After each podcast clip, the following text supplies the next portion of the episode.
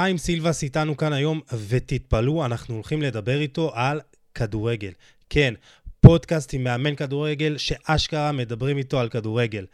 נדבר על האני מאמין שלו, על דברים מקצועיים, על מה שעבד יותר לו בקריירה ומה עבד פחות. הרבה סיפורים מעניינים, וכן, הוא ינפץ לכם גם כמה סטיגמות על אנשים מעולם הכדורגל הישראלי שחשבתם שאתם מכירים. יהיה מעניין. אז uh, פתיח ומתחילים.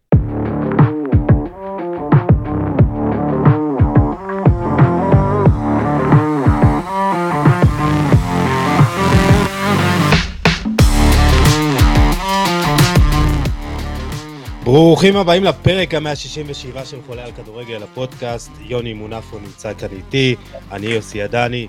מאוד מאוד שמחים לארח את חיים סילבס, שמגיע אחרי אה, משחק טניס אה, מותח במיוחד, שהוא אותו ניצח, מלא באנרגיות, אה, יהיה מעניין. מה קורה, חיים? שישמעו את מי ניצחתי, אז זה כבר לא, לא יהיה כזה דרמטי. למה? את מי, את מי ניצחת? ניצחתי את המאמן כושר. את המאמן שוערים ש... שעבד איתי בסכנין, אבל הוא בינוני, אז... אז לא... זה... יש לך הרבה זמן לטניס עכשיו. עכשיו יש לי יותר זמן, כן. לא יודע אם לטניס, אבל יש לי יותר זמן אה, לעשות את הדברים, וזה כיף גם מדי פעם ככה לעצור את השגעת, אה, לעשות דברים קצת אחרים, אה, קצת משפחה, קצת לארגן מחדש את הסט כלים שלי, בעיקר, וגם קצת ספורט, אני יודע, למרות שזה לא עוזר לי לכרס. אז, אז בבוקר אתה משחק, בערב אתה מפרשן כרגע. לא, לא, אני דווקא את העניין של הפרשנות, בדרך כלל עשיתי את זה בפעם הקודמת, עשיתי את זה בצ'ארלטון, הפעם לא, עדיין לא נכנסתי לזה, כי אם אני מתכוון לחזור עוד השנה, אז אני מעדיף לא, לא, לא לקפוץ בין דבר לדבר, אני עושה את זה סתם, עשיתי אתמול למשל ברדיו חיפה, קצת ככה, אתה יודע, בשביל, ה... בשביל לדבר, בשביל לדבר על כדורגל, לראות כדורגל, לנתח אותו טיפה, לא להתנוון לגמרי. אה, לגמרי. יוני, מה קורה? הכל טוב, ברוך השם, אתה יודע, נוחתים אחרי שבועיים וחצי בקטר, לאט לאט מתרגלים לשגרה, לא, לא קל. חיים, אני רוצה לשאול אותך קצת, אה, אתה יודע, לא קל להיות אה, מאמן כדורגל במדינה שלנו, לא, לא זוכים לכבוד, המעמד של המאמן לא מי יודע מה, בטח לא בישראל, אין, אין ודאות, אין יציבות, איך אתה רואה את זה, איך אתה חווה את החיים האלה בכל זאת? אני אגיד לך, אני אשאל אותך, אני אענה לך בשאלה ומשם נתקדם. ראש הממשלה, הוא מקבל את המעמד, נשיא המדינה מקבל את המעמד, המשטרה מקבל את המעמד, הצבא מקבל את המעמד, כל אנשי, כל השרים מקבלים מעמד, הבלבטים של הכדורגל מקבלים מעמד. כן, אבל אה, בעל הבית אבל לפחות תלוי בעצמו, מאמן פחות. אני מבין מה שאתה מנסה להגיד ואני מבין את הקטע התרבותי. אני אסביר לך לאן אני הולך. אה, התקשורת שלנו, היום לצערי, אה, אה, הרייטינג, שמעתי גם אה, רעיון של אייל ברקוביץ' שאומר, אני שונה מאוד בתקשורת מאשר בחיים הפרטיים, כי הבנתי מה מביא רייטינג. וזה בעצם מסכם את הכל. אני זוכר שהייתי צעיר, אימא שלי הייתה רואה חייל או שוטר, הייתה קוראת לו בוא ניתן לך אוכל, הייתי מסתובב עם אבא שלי במוסכים, בחיפה, בזה היינו רואים פוסטרים של ראש הממשלה או נשיא המדינה, אתה יודע, היום זה לא קיים, היום אה, כל מי שקצת למעלה מחפשים אה, לחוות בו, וזה, וזה מה שמביא רייטינג, ובשיחות אה, לא, לא לציטוט עם אנשי תקשורת שעושים את זה, אומרים חיים, זה העבודה שלי, אני חייב לעשות את זה. וזה נהיה מודה, וכשמדברים על זה ככה, אז גם המאמן הוא שם, אבל uh, המאמן uh, בסופו של דבר עובד, אני חושב שיש מאמנים טובים. חייב, אתם חייבים להבין, יש מאמנים טובים בישראל. אה, קצת, אתה יודע, אנחנו נמצאים בהרבה מאוד הרצאות, בהרבה מאוד השתלמויות, אה, דברים חופפים עם חו"ל, ו, ויש לנו המון כישרון באזור של המאמנים, המון ידע. יש בעיה שאתה נכנס למשהו שהוא כמעט אבוד מראש. כשאתה נכנס למשהו שהוא אבוד מראש, אתה... יכולים להציג אותך כמעמד נמוך, אבל אני לא לוקח את זה אישי, אני יודע בדיוק מי אני ומה אני, וזה שקורים דברים, זה צריך, צריך, אה, אני חושב שהמום או הדפקט הוא לא, הוא לא בנו. זה שלצורך העניין אה, אה, סכנין האמינה שהסגל שלה הוא חייב להיות מקום ארבע ומעלה, ושישה משחקים הוא לא ניצח, אז חייבים להחליף את המאמן. אז זה מעמד המאמן? זה לא מעמד המאמן, זה, אתה, זה, זה הנהלה שמחליטה החלטה מסוימת שאני חושב שהיא שגויה. אז זה מגיע למעמד המאמן. אבל, אבל אני לא חושב שזה תלוי במאמנים, זה בעיקר תלוי ב, ב, במה שמסביב, ו, ואנחנו חיים בתוך הדבר הזה, יש לנו אופציה להתבכיין על זה, לבכות על זה וזה, או אופציה לחיות בתוך זה, ואני בפנים, אני יודע לשחות בתוך זה, אני יודע להסתכל על הדברים בצורה שהיא לא תפגע בי, כמו שאתה חושב שזה פוגע בי. למה? כי אני מבין שזה לא אישי. אני מבין שזה לא אישי, אני מבין שכל מי שהיה עומד שם במקומי היה מקבל את אותם מילים. אני מסתכל על זה, אבל אני קודם כל מאוד מתחבר לעניין התרבותי, אבל אני מסתכל על זה בעניין של היצירה שלך, של העבודה היומיומית שלך, שבעצם אתה בא למקום ואתה צריך לייצר איזשהו משהו, להביא את הסגנון שלך, להביא את הידע שלך, ואיך זה משפיע עליך, שאתה יודע שאתה יודע, שתי תוצאות לא טובות. לא בגלל זה, לא בגלל זה אתה לא יכול לעשות את זה, אלא בגלל העובדה שאתה יודע, לא כי אתה מפחד, אני תמיד אעשה את מה שאני מבין בקבוצות שאני עושה, שאני זה, ואני חושב שבכל הקבוצות שלי אני יכול להצליח יותר, להצליח פחות, ואני גם אפתיע אותך עוד מעט, עם כל מיני דברים שלא ידעת אפילו, כי, כי, כי נהיה איזה שיח קבוצתי על איזה קבוצת מאמנים, סילבס, מימר, קורצקי, קלינגד, כולם ביחד, ואת, ו, וכולם נראים אותו דבר ונשמעים אותו דבר, וחושבים שגם כולם השיגו את אותו דבר, וכבר אנחנו נדבר על הדברים האלה. ואני תמיד חשבתי שהתקשורת הוגנת, אז אני עדיף שאני אעשה, וכבר מה שאני עושה יגידו. אבל התחלתי להבין שזה לא עובד ככה, והנה בזמן האחרון, אחרי שזה, החלטתי שאני קצת אה, יוצא יותר לפודקאסטים, לרעיונות ארוכים ולא לאיזשהו רעיונות אה, מוכתבים, כדי שבאמת יכירו אותי. אה, לגבי העניין של היצירה, גלשנו קצת, היצירה היא בעייתית לא בגלל העובדה שאני יודע שאני אהיה מפוטר אם אני לא אנצח, אלא העובדה שזה מה שיקרה. זה לא באמת יהיה לך את כל הזמן לעשות את כל התהליך, בגללם, לא בגללך. ובגלל התוצאות, אתה צריך קצת מזל שיהיה לך תוצאות טובות כדי לייצר את התהליך, אה, את הדבר הזה. אין מה לעשות, כדורגל צריך להביא תוצאות, ועכשיו. אה, ותוך כדי לעשות את התהליך. לא פשוט, עבודה לא פשוטה ברמת העבודה. עזוב רגע את המסביב, שזה, שתמיד אה, זה נראה כאילו הכל בוער תחתיך, ובכלל זה לחץ. אלא העבודה עצמה, להיות עולמם של 25-30 שחקני כדורגל ולהוביל את כל המערכת המקצועית, תוך כדי זה שאתה חייב לעשות אה, תוצאות עכשיו, ותהליך ארוך, ולפתח כל שחקן בנפרד, וברמה הפסיכולוגית כל שחקן בנפרד. עבודה לא פשוטה, מורכבת, אבל uh, אני חושב שאנחנו טובים בה. אז, אז אתה מוכן, אה, אז אתה מוכן לקבל את המגרעות שבתפקיד, את חוסר היציבות, את חוסר הוודאות, את זה שאתה יכול להיות שנה בסכנין, שנה אחר כך בקריית שמונה, הפועל חיפה, ולפעמים גם בבית, אז אתה, אתה לא אוהב את זה. לא מוכן לקבל את זה. אני לא אוהב את זה, אני שונא את זה, אבל אני, אני מקבל את זה כמו, כמו כל דבר בחיים, אנחנו צריכים לקבל את ה... אם אנחנו רוצים לספוג מזה את הטוב, צריכים להבין שזה בא עם רע. עם דברים רעים, זה יכול, זה נכון גם לגבי, ה, זה, לגבי המערכת הזוגית שלי עם אשתי, וזה נכון לגבי היחסים שלי עם ההורים, וזה יכול לגבי היחסים שלי עם הילדים, וכמעט כל דבר שאנחנו עושים בחיים הוא, יש בו צד טוב ויש בו צד רע. אה, הצדדים הפחות טובים הם נורא בולטים בתחום, והצדדים הטובים אה, הם אה, נראים כאילו זה לרגעים, אבל once אתה מתרגל לדבר הזה, כשאתה, כשאתה עושה לך את הסדר ואתה מתייחס לדבר הזה טיפה מעל, אלא לא ברמת הקיומי הזה, היומיומי הזה, ואתה בטירוף על זה, אז זה נוגע בך פחות. אתה פחות, אתה מסתכל על זה בצורה יותר בוגרת, בצורה יותר, אתה מקבל את מה שקורה, כשזה קורה אתה מבין שזה היה צריך לקרות, אפילו אם זה לא צודק. אתה מבין למה אני מתכוון? יש רגעים שאתה אומר לעצמך שאולי היית צריך לבחור איזה כיוון אחר לאחר שפרשת מכדורגל? הרבה פעמים, הרבה פעמים, שאתה סובל מדברים שהם חוסר צדק או דברים כאלה, זה... אבל כמו כל דבר בחיים, אתה יודע, הרהורים זה משהו שהרי המוח שלנו, זה הדבר היחידי שאוי ואבוי אם יפסיק לעבוד. וככל שאני אני מחשיב את עצמי לבן אדם שיודע לחשוב, וככל שאתה חושב, ככל שאתה, נקרא לזה בזהירות, אינטליגנט יותר, או אה, חכם יותר, נקרא לזה ככה, ואתה מבין משמעויות יותר, אתה גם יותר פגיע. ככל שאתה, אתה יודע, היה, תמיד אומרים שהחלוצים עדיף שיהיו טיפשים, למה? כי ככה הביטחון שלהם אף פעם לא נפגם, ושום דבר לא פוגע להם בעת זה, מגיעים, עושים את העבודה, כי הם, לא, שום דבר לא פוגע בהם. אז ככל שאתה, ככל שאתה חכם יותר, פתוח יותר, מבין משמעויות, אה, אתה חשוף יותר, וזה פוגע בך יותר. וזה עבודה. זה עבודה. ויש רגעים נמוכים, יש רגעים נמוכים, אין ספק, יש רגעים נמוכים, אבל גם ש...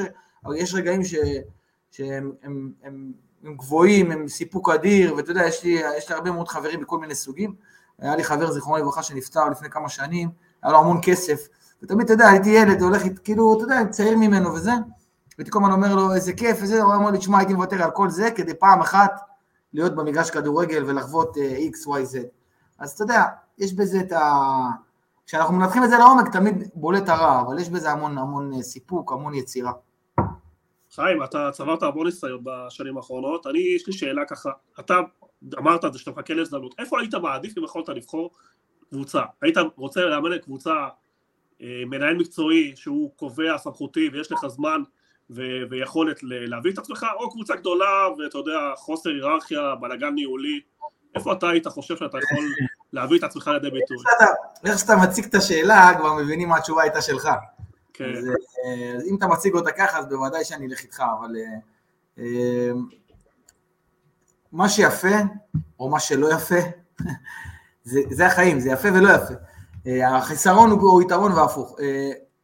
יש הכל מהכל בכל קבוצה, אתה תגיע לקבוצה, אתה חושב שאתה תקבל איקס, אתה אומר, הלכתי לקבוצה הזאת כי יש לי את מה שאתה אמרת, ופתאום אתה מקבל מינוסים ממקומות אחרים, ואתה הולך למקום אחר ואתה מקבל את המינוסים מהמקומות, מצדדים אחרים. אז פעם זה בעל הבית שלוחץ או אה, אגרסיבי מדי ומציק, ופעם זה מערכת אה, סביב- שסביבך היא אה, חלשה מדי, ופעם זה אין מספיק תקציב, ופעם זה הקהל חזק מדי, או הפוך, או אין קהל בכלל. כל פעם יש מינוסים, במיוחד בקבוצות האלה. ולכן גם אתה רואה חוסר יציבות. למה אני מתכוון חוסר יציבות? מאוד מאוד קשה, גם אם אתה ממש טוב, מאוד מאוד קשה לייצר תוצאות רצופות לאורך זמן. באתי לסכנין, עשיתי פלייאוף עליון בצורה, אני אומר לך, כשהגעתי וחשבתי, אה, תכננתי ועשיתי את החשבונות של הנקודות, ועשיתי... הצלחתי יותר ממה שחשבתי, אפילו. עש- עשינו שם, נדבקנו נהדר, נדבקנו לפלייאוף, הגענו עם, עם חסרונות אדירים לפלייאוף העליון, וגם שם היינו טובים, והיינו פסע מלקחת מנתניה את אירופה, ונתניה הייתה מטורפת, קבוצה מטורפת, אז תבין כאילו איזה הצלחה הייתה לסכנין. וגם פתיחת העונה הזאת עם המון המון אה, קשיים ניהוליים, עם אה, התפטרויות של איזה, אתם יודעים, החתמה שלי מאוחרת, מחנה אימונים מאוחר, כל כך הרבה תירוצים להתחיל את העונה לא טוב, נהדר, ואז כמו כל קבוצה בדרג הזה, משהו יקרה. אתה לא יכול כל הזמן שזה, זה קשה מאוד להיות, זה לא מכבי חיפה, אפילו מכבי תל אביב ומכבי חיפה ובאר שבע בשנים מסוימות נקלעות למשברים. אז קבוצות קטנות, או קבוצות בינוניות ומטה, תמיד זה יקרה להם, אפילו בעונות מוצלחות, וצריך לדעת לעבור את זה, ויש מקומות שאתה עובר את זה, ויש מקומות שאתה לא עובר את זה, וכשאתה לא עובר את זה, כמו בסכנין, אז אתה מפוטר, ואז מה אתה זוכר? אז פיטרו את סילבס והוא נכשל, אבל זה לא נכון. זה לא נכון, כי את, הייתי שם 33 או 34 משחקים רשמיים, ב-90% מהם רק הצלחתי. ורק בש... בקבוצת המשחקים האחרונה של שישה משחקים, לא ניצחנו, גם לא הפסדנו את כולם, אבל לא ניצחנו, ועל זה פה, ופוטרתי מסכנין במקום השביעי, שתי נקודות מפלייאוף עליון. אבל רואים שהפיטורים לא עזרו כל כך, אתה יודע. לא, לא עזרו במקרה הזה. עזוב, במקרה הזה כן, אנחנו כמובן לא, חס וחלילה, לא שמחים כן, לאל, כן. לא זה, כי, כי החיים זה גלגל, מבקשים טוב רק לנו. אבל רק אני אומר לך, בתפיסה של המניה הזאת שנקראת מאמן כדורגל, אתה יושב בזה ואתה אומר, רגע, סילבס פיטרו אותו, עכשיו סתם דוגמא, אני אהיה מועמד לצורך העניין הפועל תל אביב, מכבי נתניה, whatever, לא יודע מה, תגיד סתם אה, שמות, מכבי תל אביב, בסדר? מה תגיד? עכשיו פיטרו אותו מסכנין, איך הוא טוב, איך הוא לא טוב לסכנין והוא טוב לזה, אבל זה לא הוגן ולא נכון, כי הייתי כן טוב בסכנין. הייתי מצוין בסכנין. לא, לא. בסך הכל עברתי שם משבר שלא נתנו לי לצלוח אותו. כמו, כמו שבכר עובר במכבי חיפה, וכמו שברדה התחיל את העונה רע מאוד בבאר שבע וטיפס, ועשה את זה בקניגה, ואנחנו רואים היום איזה מאמן אדיר הוא, אז זה, זה דרך של מאמן, כמו שקלופ עובר בליברפול. אז אתה יודע, אז זה עניין של בסופו של דבר, ההחלטות שהם מקבלים מעליך, פוגעות לך במניה ובשם, ומכניסות אותך לקבוצת אה, קבוצת שמות מזלזלת כזאת, שאתה אומר, מימרים, סילבסים, וזה, וזה מעליב מאוד נורא לשמוע את זה, כי, כי א', אף אחד לא אוהב שמכלילים אותו בקבוצה, מצד אחד, ב', החוסר הצלחה היא רק בעיני, בעינינו, בעיניכם, כי פוטרתי, אבל אם תבדוק את זה, תראה שהצלחתי, ואז תגיד, רגע, מה הוא יעשה? הוא יכול לעשות אליפות שם? הוא לא יעשה שם אליפות, מבין למה אני מתכוון? קודם כל אני חייב להגיד משהו קטן, יוסי רגע, שנייה, כן. אני חייב להגיד שבדעות שלי אני יותר קרוב אליך, אתה כאילו כל הזמן אומר שכאילו חושב אה, שאני לא, נפרד. לא, לא, אני אני- ממש, אני ממש... אני מדבר, ל- אני מדבר כן, לממוצע, כן. אני לא מדבר כן, אליך. כן, כן. לא, לא, אני יודע שאתם. יותר אה, מקצועיים וזה, אני מדבר לממוצע, מי שמקשיב לזה, הם בדרך כלל כאלה ממוצעים שניזונים מתקשורת נכון. והמניה היא שם. עכשיו, אתה יודע מה הכי גרוע? הכי גרוע זה שהבעל הבתים גם לוקחים את מי שפופולרי בתקשורת. הם לא באמת יודעים מה הם לוקחים, הם לא בודקים אה, הישגים, לא מזמינים אותך, אתה מבין מה אני מתכוון? האמת שאתה מראה לנו שתי דברים שרצינו לדבר עליהם. כן, אז רגע, רגע, רק כן, יוני, אה, לפני שאתה מגיע לזה, אז אתה מבחינתך חיים סילבס, אבל אתה צריך להיות חיים סילבס שונה בכל מקום ומקום, אם זה, עוד נדבר על החוויות שלך בכל קבוצה, אבל בכל קבוצה אתה צריך להתאים את עצמך לסביבה, אז אתה לא יכול להביא את עצמך במאה לא, אתה יכול להביא את עצמך, אבל אתה חייב להיות, אה, אה, בסט הכישורים שלך, אתה חייב להיות סטגלטן, אה, כזה אחד שיודע לעבוד בצוות, כזה אחד שיודע להתאים את עצמו ולהביא את ה... לכפות את הערכים שלו על המערכת העובדת והקיימת, בחוכמה ולא בכפייה. יש כאלה שבאים ואומרים, אני, אתה, אתה, אתה עופר וזה, במקומות שאנחנו נמצאים, במעמד הזה שאנחנו נמצאים בו, קשה מאוד לעשות את זה, צריך לבוא ולעשות את זה בחוכמה ומתוקף האישיות שלך. ואני חושב שאני, בכל המועדונים שהייתי, וכבר אני אגע בזה, כי זה לא היה הרבה, אה, כפיתי, עשיתי את זה, אני חושב שראו קבוצות שלי, אמרו עליי בונקריסט, לא אבל אה, מיד ראו קבוצות שלי, המערכות שלי מאוד מאוד היו שקטות מהרגע שנכנסתי אליהן, אה, אף פעם לא היו בעיות, אף פעם לא ראית איזה שהן שערות, וזה די משעמם את התקשורת, וכשזה משעמם את התקשורת, לפעמים זה גם משעמם את הבעל הבית. טוב, אז יוני, נראה לי שזו השאלה על רעיון העבודה, לא? רצית כן, לשאול עכשיו? כן, אתה, אתה מגיע ל, ל, לקבוצה, זה תמיד סקרן אותי ועניין אותי, כי דיברנו על זה, בעלי בית, וזה נראה, אני אגיד ככה, זה נראה שהרבה מהם לא, לא מבינים את המקצוע, אולי למשל עסקים טובים, וזה, מה, מה שואלים אותך? מה, מה מעניין את, את, את בעל הבית? מה, כאילו, מה, איך הוא יכול לבחור? זה, זה, זה, אני אגיד לך מה, אה, זה, זה משהו שאולי שאולי גם אני ואתה היינו עושים, אתה יודע, היינו מנסים להיכנס למקצועי, אבל בסוף, בסוף, בסוף אתה יושב ואתה עושה עסקים עם אנשים, ומזמינים אותך אנשים שהם אנשים שועלים, זה אנשים שעשו בחיים שלהם, זה אנשי עסקים, זה אנשים שעברו וחוו המון אנשים, והמון סגנונות של אנשים, והם יושבים מולך, והם בעיקר רוצים לחוש אותך. הם רוצים לראות אם אתה יודע על מה אתה מדבר, אם אתה, שיחה היא שיחה רגילה, היא שיחה שגולשת, היא לא שיחה שהיא באה ויש איזשהו דף, שצריך לסמן, ואתה, מה אתה תעשה, ואתה, אתה בא, אתה נותן את ה... זה, זה, ברקע זאת אשתי, אם אתם רואים שם. אין בעיה, זה בסדר.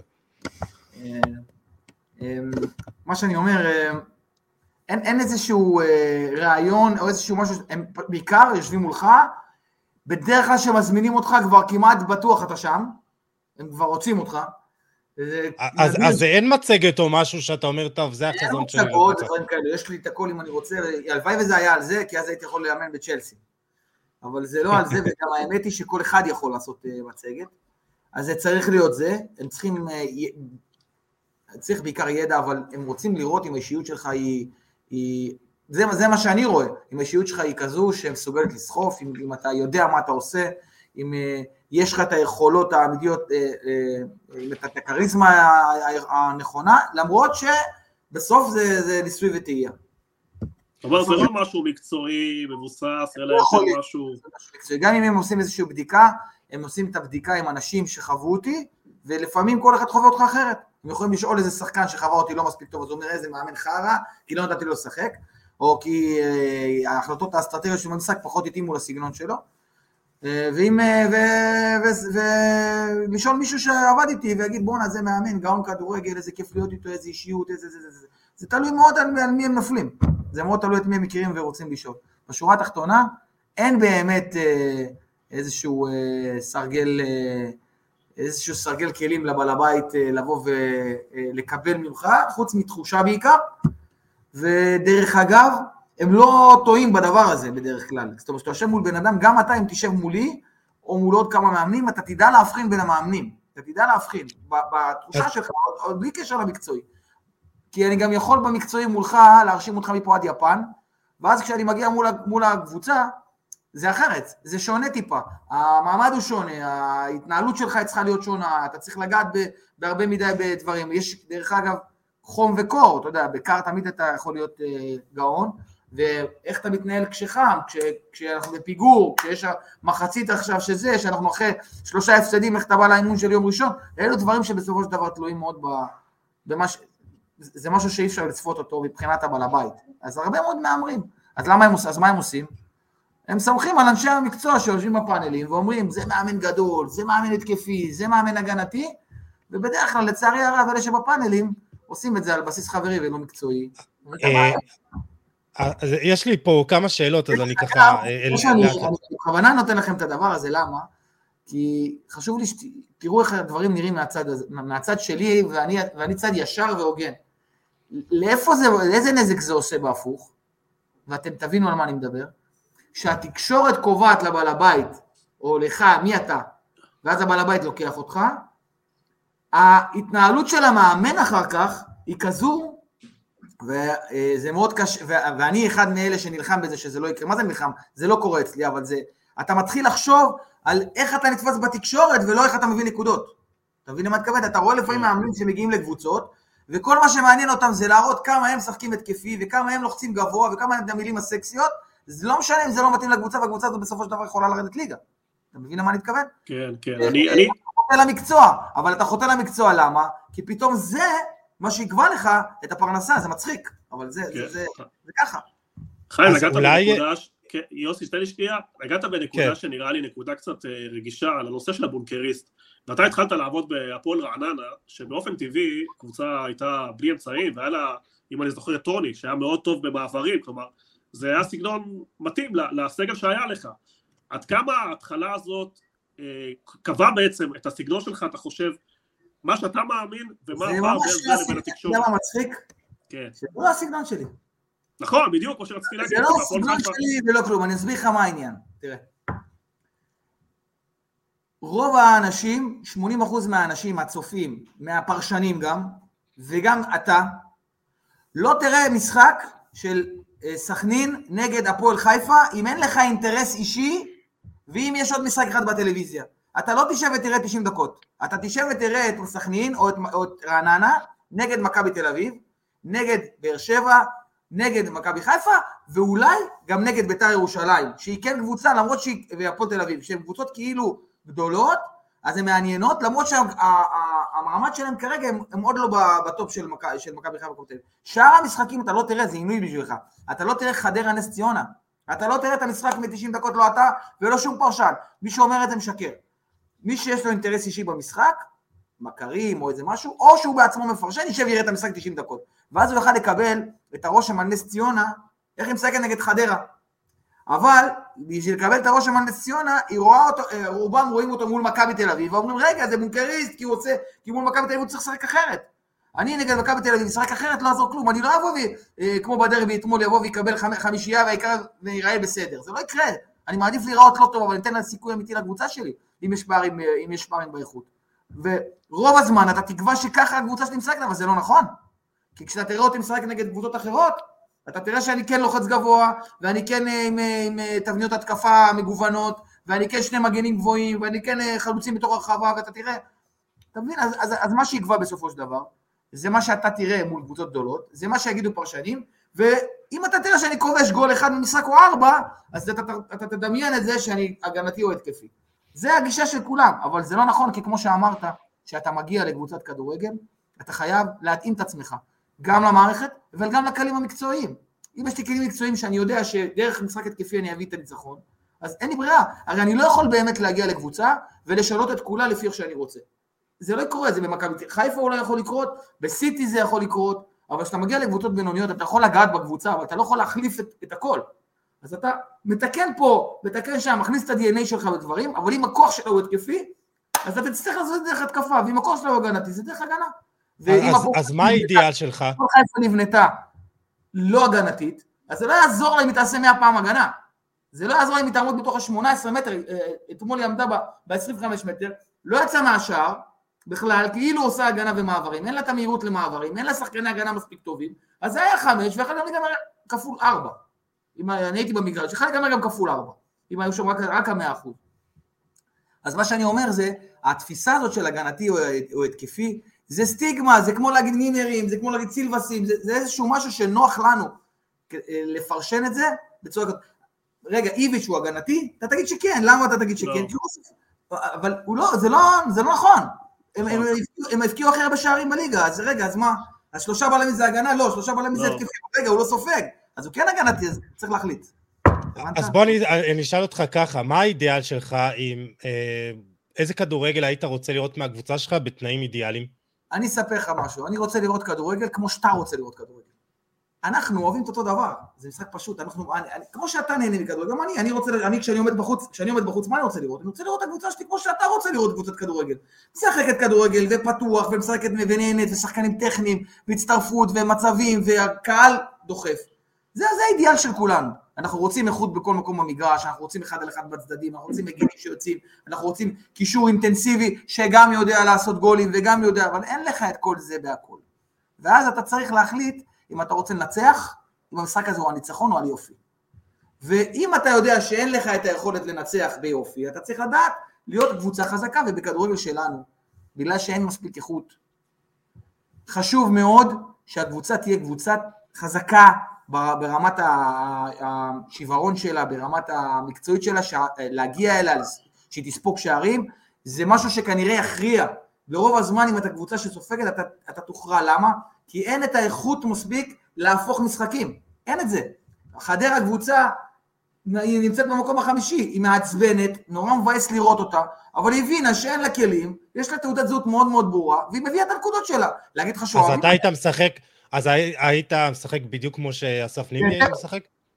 בהתאם לכלים שלי. תשמע, שנה שעברה באתי לסכנין, ראיתי מה יש לי, הבנתי שיש לי קישור עוצמתי, הבנתי שאני צריך לשפר טיפה את, את המגנים, להזיז את המגנים טיפה, הבאתי את ספורקס ליידה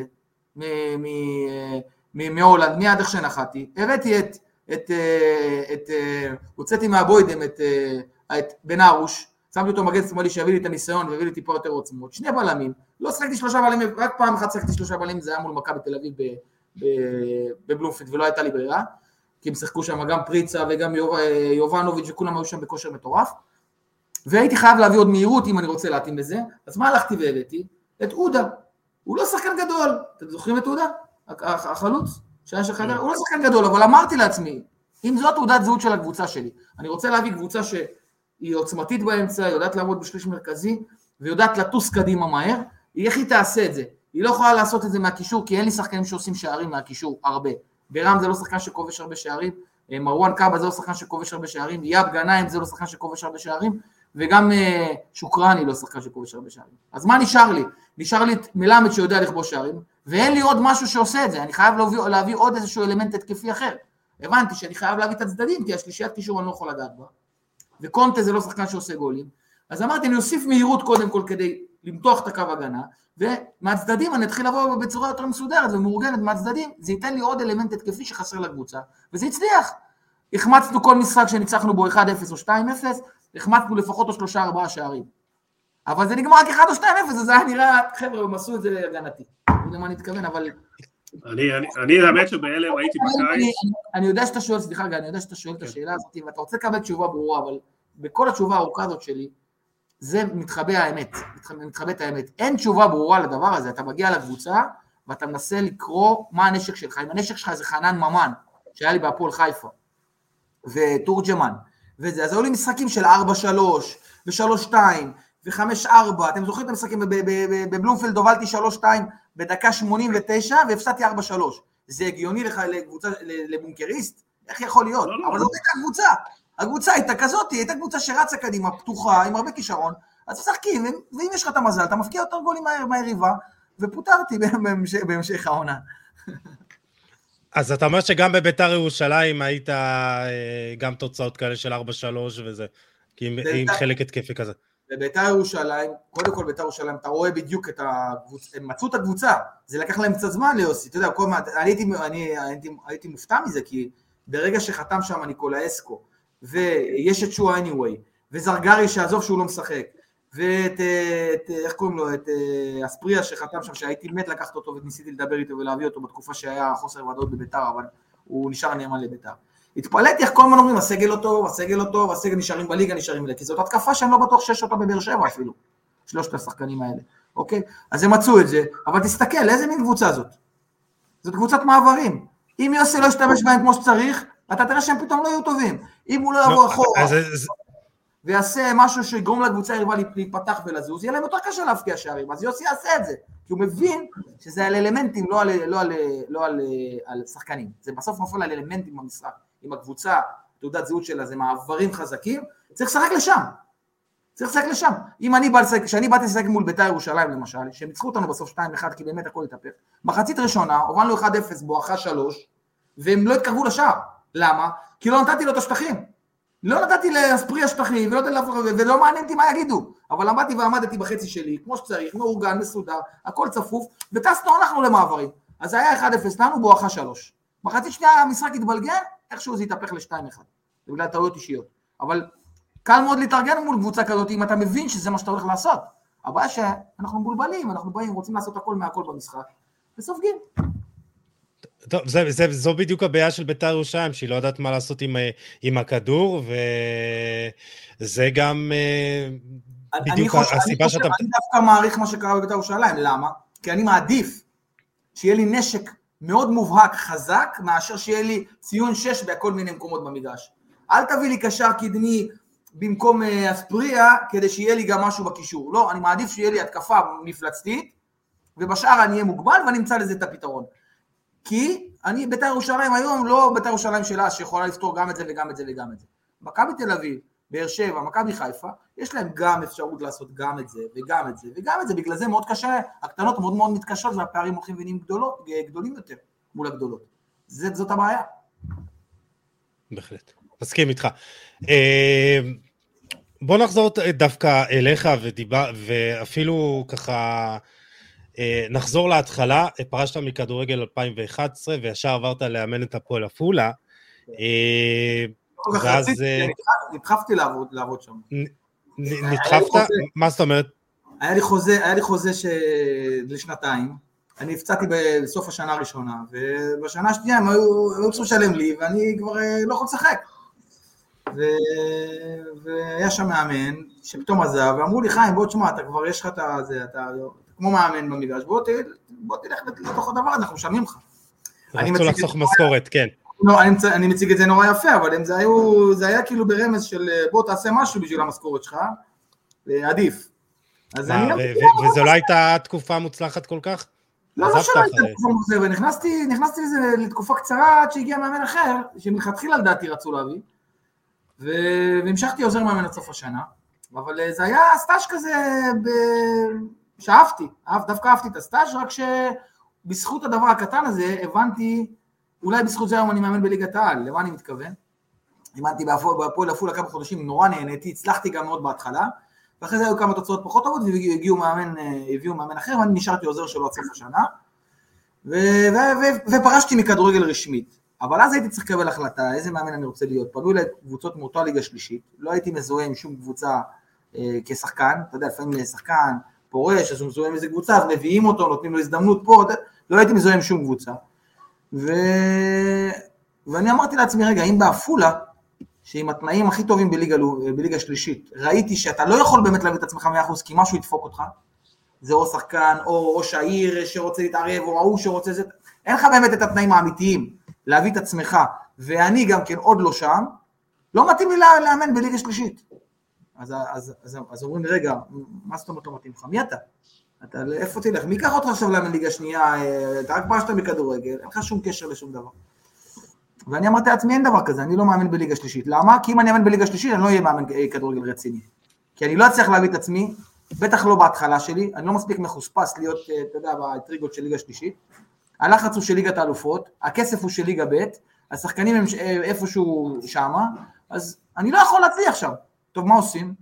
אני לא, לא מאמן ליגה שלישית. פנו אליי כרמיאל, פנו אליי קריית אתא עם משכורת נורמלית, ואני פרשתי מכדורגל, הייתי צריך מהר לדאוג לעצמי לפרנסה, כי לא הייתי אה, בשנים האחרונות של הכדורגל, לא, אתה יודע, לא הרווחתי מיליארדים, והעדפתי אה, לנסות למצוא, אה, להיות מאמן נוער באיזשהו מקום, להפסיד כסף בשנה הזו, כמה חסרונות שעוד היו לי, הפסדתי בשנה הזו, כדי לצמוח מלמטה ובאמת לייצר דברים שלי.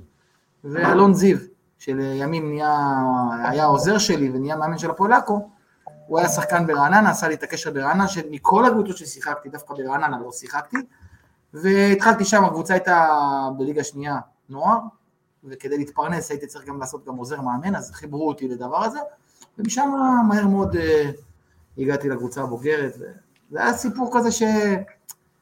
קרה, ובזכות שקרה, מה שקרה דווקא אה, עזר לי ונתן לי את הצעד הבא. אה, זה, מה שתיארת זה בהחלט אה, כדורגל ישראלי, אה, אבל עוד דבר כזה שנקרא כדורגל ישראלי, זה השנה הראשונה שלך ברעננה. התחלת אותה, ואז פוטרת וחזרת אחרי ארבעה ימים. זה כן. כאילו, זה, זה, זה, זה דברים שאתה יודע, יכולים לקרות רק בכדורגל ישראלי, אם אנחנו מדברים על מה שקרה תחילת העונה באום אל-פחם למשל. זה כאילו, אתה יודע, המאמן עוזב. לא, אני לא יודע אם זה ככה, אבל אני אגיד לך איך זה היה. אני דווקא מסתכל על זה מעיניים, אה, אני מרגיש שזו הייתה התערבות אה, עליונה, מה שנקרא. אה, באותה שנה אני קיבלתי את הצ'אנס, כמובן שזה היה משהו מוזר לכולם. ואשר אלון? אשר אלון היה עדיין שם? אלון ו... דמיין. כן, ודמיין. אלון חרזי קיבל את לאמן את הפועל עכו פעם ראשונה בליגת העל, אסי דום קיבל את הפועל תל אביב פעם ראשונה בליגת העל, ועידן ברון קיבל את הפועל פתח תקווה בליגת העל. ארבע, ארבעה מאמנים שקיבלו בקיץ קבוצה לאמן פעם ראשונה בליגת העל. והתחלנו, כולם, כולנו התחלנו, והייתי מאוד מאוד הצלחתי להביא את עצמי. זאת אומרת, עשיתי דברים שחשבתי שצריך לעשות שהם שונים ממה שעשו לפני. אני חייב להגיד לך, ורק שחקנים שהיו איתי שם יגידו לך את. אבל הכלים היו, עוד פעם, זה היה טוני והיה זה, אבל אתה יודע, היינו, זה, זה רעננה. במשחק הראשון ניצחנו 4-0 את הפועל פתח תקווה, אבל אחרי זה, אתה יודע, אתה פה תיקו, שם זה... היה תקופה שכמה משחקים שלא ניצחנו, ואשר אה, היה נדחק כזה, היה לו לא נוח, והבין שאולי אני לא מספיק טוב, כי מאלף סיבות, ואתה יודע, בעל הבית הוא תחת לחצים אחרים, ופיטר אותי. ו... וכשהוא פיטר אותי, ברמה האישית, אה, זהו, הסתיים. למה זה הסתיים? כי אם אתה בצ'אנס הראשוני שלך בליגת העל, אה, לא הצלחת, אתה בבעיה, אתה כבר לא תחזור, מי ייתן לך? לא ייתנו לך עוד פעם, ואני הלכתי הביתה ואמרתי לעצמי, יאללה, תראה מה זה, הייתי ממש טוב, עשיתי דברים יפים, והשחקנים היו, באמת אהבו אותי, ו- והיו מאותגרים, והקבוצות ממול תמיד אמרו שהקבוצות שלנו, שמאוד קשה לשחק נגדנו, ואנחנו מאוד טקטיים ומאוד חכמים ב- ב- באסטרטגיה שלנו במשחק, אבל לא הצלחנו להביא את התוצאות כנראה שהוא רצה. חייב, חשוב להגיד גם שלא הייתי מתחת לקו האדום אף פעם, ו- ופוטרתי, ואמרתי לעצמי, הנה זה נגמר. עכשיו, באותה עונה פוטר גם אסי דום, והוא באמת לא חזר לליגת העל, אלון חרזי, ובאמת גם כן לא חזר לליגת העל, וגם אה, אותו, אותו ברון באמצע העונה פוטר וגם לא חזר לליגת העל, זאת אומרת, הגורל שלי, אם הוא לא הייתי חוזר אחרי ארבעה ימים, כנראה היה כזה, שלא הייתי כבר מאמן בליגת העל. ואיכשהו בדרך נס אה, קרה הדבר הזה, וגם שם התקשורת החמודה התחילה, אתה, זה, אין לך כבוד, אין, אין לי כבוד? זה הציל אותי, איך אין לי כבוד? זאת הקבוצה שאני בניתי, השחקנים שאני אוהב, קיבלתי צ'אנס שכנראה לא הייתי מקבל אם הייתי מחכה למשהו אחר, איך זה יכול להיות? קפצתי על זה. ומאותו משחק, וחזרתי למשחק דווקא מול הפועל באר שבע בחוץ, של אלישע, ניצחנו אותם 1-0 ועשינו חמישה ניצחונות ברצף, היינו פסע מפלייאוף עליון, שנה אחרי זה עשינו פלייאוף עליון. אז אתה אומר, זה, למטבע יש שני, שני צדדים, תמיד. ובמקרה שלך, ובמקרה שלך, כאילו, מרגיש לך שתמיד רואים את הצד האחר? לא, אתה הצגת את זה, אתה אומר, בכדורגל הישראלי, ונתת דוגמה של אום אל-פחם. זאת אומרת, אתה בא ואתה אומר, רק אצלנו יכול להיות מאמן מפוטר, מחזירים אותו, זה לא רציני. אתה צודק. אני ראיתי את זה מעיניים של התערבות אלוהית, מבחינתי, זה הציל לי את הקריירה, הדבר המוזר הזה שקרה. הרי אם הוא לא היה מחזיר אותי, ולא היה מוחל על, על, על, על כבודו ובא ואומר, טעיתי, בוא תחזור, אתה כן מאמן, אתה קח שנה וחצי עכשיו. אז לא הייתי פה היום. פשוט לא הייתי פה היום, הייתי מדשדש בכל מיני ליגות אחרות, אם בכלל. כי אני, באופי שלי, אני מניח שאם הייתי מרגיש שאני לא ממצה את עצמי, אז גם כבר לא הייתי מאמן. אולי אה, אתה צריך פשוט אה, סוכן, ואז הוא ידאג לכל הדברים לא, לא, האלה. לי סוכן, יש לי סוכן, אבל, יש לי סוכן, אבל כמאמן אה, הדברים האלה זה... אין פה, זה לא אה, רמה כזו שתשפיע, זאת אומרת, אין פה מה יותר מדי להציע או לשנות או להזיז, כולם מכירים את כולם, הבלבטים יודעים מה יש בחוץ. יכול מאוד להיות שאני צריך לדעת לדחוף את עצמי יותר טוב. אני לא כזה לצערי הרב, איזה בעל הבית מהגדולים בכדורגל הישראלי אמר לי, אם היית מתקשר אליי והיית אומר לי, בוא, אני רוצה לצאת, הייתי לוקח אותך. חבל שלא עשית את זה, הוא אמר לי פעם אחת. אמרתי לו, אני לא יכול לעשות את זה. אתה צריך לעשות את זה. אתה צריך להתקשר אליי, להגיד לי, בוא, בוא, מה להתקשר אליך, תיקח אותי. זה נראה מוזר. הוא אומר לי, כן, ככה עושים. בגלל זה לקחתי איקס, הוא אומר לי. אז אולי צריך ברומא להיות אה, רומאי, להתנהג כמו כן, רומאי. אני בתהליכים האלו, הנה עכשיו אני כבר הרבה יותר פתוח בשיחות שלי, אני מנסה לפתוח את עצמי, לא לפחד להגיד את האמת ולא להיות בסדר עם כולם. כי אני מבין שזה משעמם, אם את, גם אם אתה הכי פאסון שיש, וגם אם אתה הכי סטייל שיש, וגם אם אתה הכי סנטר שיש. זה משעמם, זה נחמד לשמוע אותך, אומרים לך איזה חמוד אתה, אתה נשמע ממש טוב, אבל יום למחרת שכחו. וכנראה שזה לא, לא המשחק פה בכדורגל להתקשר לבעל הבתים, תיקחו אותי, זה קצת, אה, זה, אני עוד לא, עוד לא הגעתי לדבר הזה, אולי גם זה צריך, אבל אה, זה קצת יותר קשה לי לעשות. למה לא? זה, זה תמיד טוב לדחוף את עצמך, אני באמת חושב ש... מי שאמר לי את זה, זה זה שאחד מהאנשים ש... אתה יודע מה, אני לא רוצה לרמוז יותר מדי שלא תחשבו, אבל באמת מהגדולים ש, שיש פה במדינה, מהגדולים. ויצא איזה שיח, ואמרתי לו, תראה, אתה אומר את זה עליי, שאני, הוא אומר עליי שאני מהמאמנים הטובים בארץ, אבל כשהיה לך אפשרות לקחת אותי, לא התקשרת אליי בכלל. הוא אומר לי, אתה אשם, למה אתה לא התקשרת אליי? שאתה יודע שהתמניתי. אמרתי לו, אני צריך להתקשר אליך, אני בחוץ. הוא אומר לי, לא, ההוא התקשר אליי, אמר לי, בוא עכשיו, אני רוצה להיפגש איתך, להראות לך מה אני טוב. אז לא היה לי ברירה, לקחתי אותו. הבנת? איך זה עובד? מי זה, יעקב שחר? לא, לא.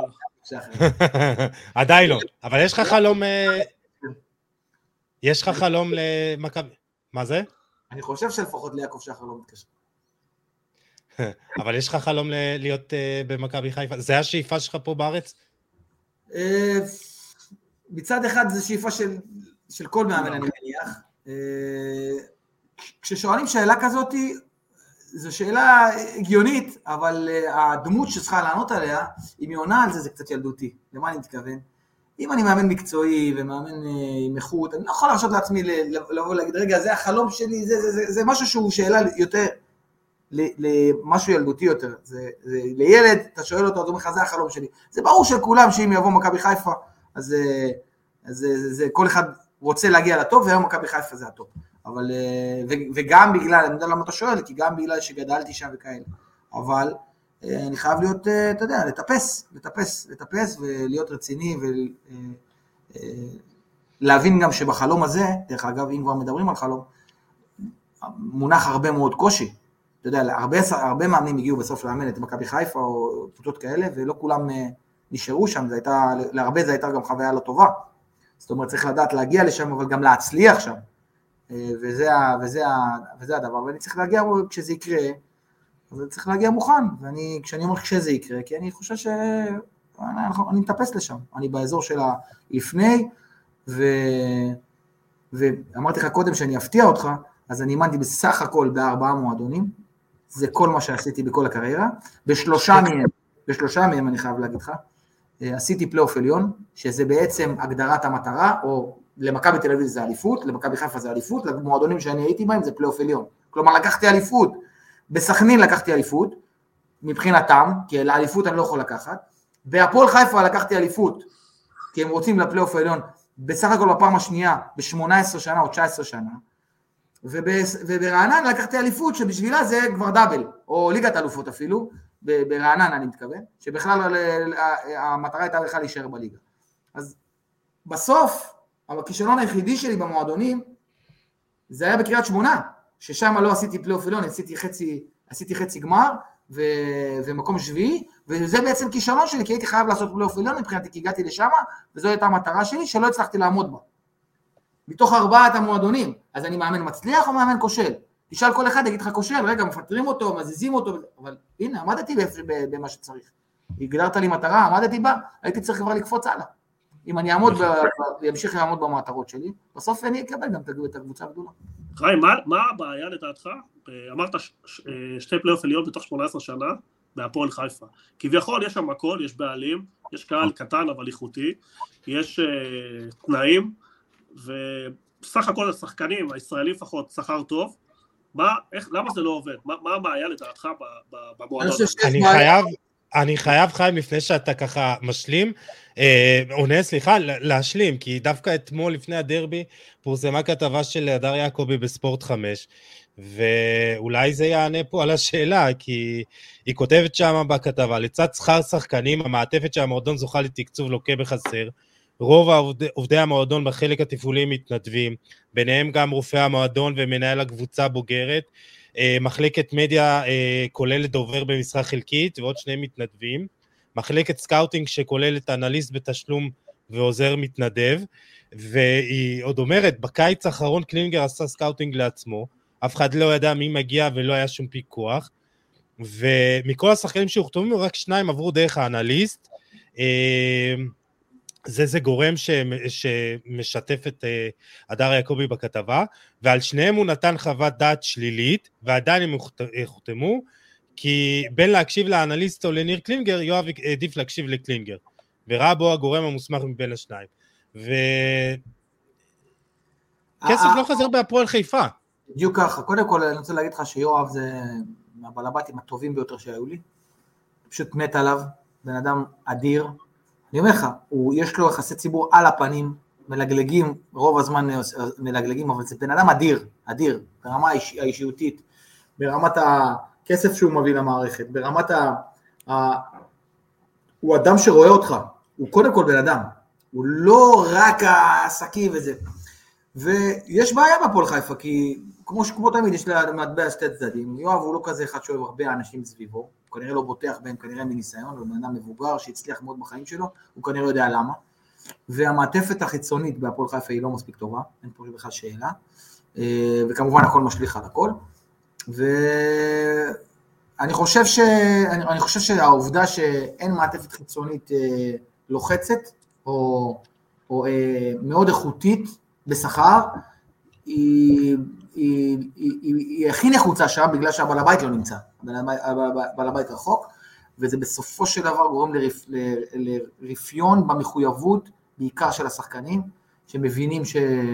שהם צריכים למצוא את העיתוי הנכון כדי לייצר חוזה חדש, קשה להם מאוד לייצר תארים, קשה להם מאוד להיות מחויב כל הזמן, מה ששולט בקבוצה זה בעיקר היחסי ציבור והכתבים ודברים כאלו, כי הבעל הבית לא נמצא וזה, וזה בעצם מה שיוצא, מה שאיזשהו באז שיוצא זה האמת, וזה לא צריך להיות ככה. ובהפועל חיפה, אם יסדרו את זה, אה, יכולה להצליח מאוד. אה, אני, דרך אגב, באחד, באחת מתוך, אה, מתוך השנתיים שלי, הצלחתי להגיע לפלייאוף העליון, בשנה השנייה לא. אבל זה היה, זה היה מסע, מסע קשה, מסע קשה, כי קשה מאוד לשמור את כולם על המסלול שהמאמן אמור להוביל הכל ולבד. מאוד קשה, במיוחד שהבעל הבית לא נמצא, אני הרבה פעמים משתמש בבעל הביתים שלי. אני אה, מתקשר לבעל הבית, אומר לו, אתה שומע? אני חזק מאוד באספות, חזק מאוד במנטלי, אבל אני צריך לפעמים שהשחקנים ישמעו קול אחר, בוא, אני צריך ממך תעביר את המסר X, תעביר את המסר Y, וזה עוזר לי להכין את הקבוצה על המשימות, והפועל חיפה זה, זה, זה, זה, לא קיים. לא אז זהו, זה מה שאני אומר, שכסף יש, השחקנים מרוויחים לא רע בכלל, אבל אתה צריך גם לייצר להם את התמיכה מסביב, אבל גם אתה צריך לייצר מהם את הרעב, את מי שידחוף אותם, אה, אתה יודע, אה, מלמעלה, מעל עמדת המאמן. ואני אומר, אה, איך אפשר להצליח ככה גם בתור מאמן? זה עושה גם את העבודה שלך הרבה יותר קשה.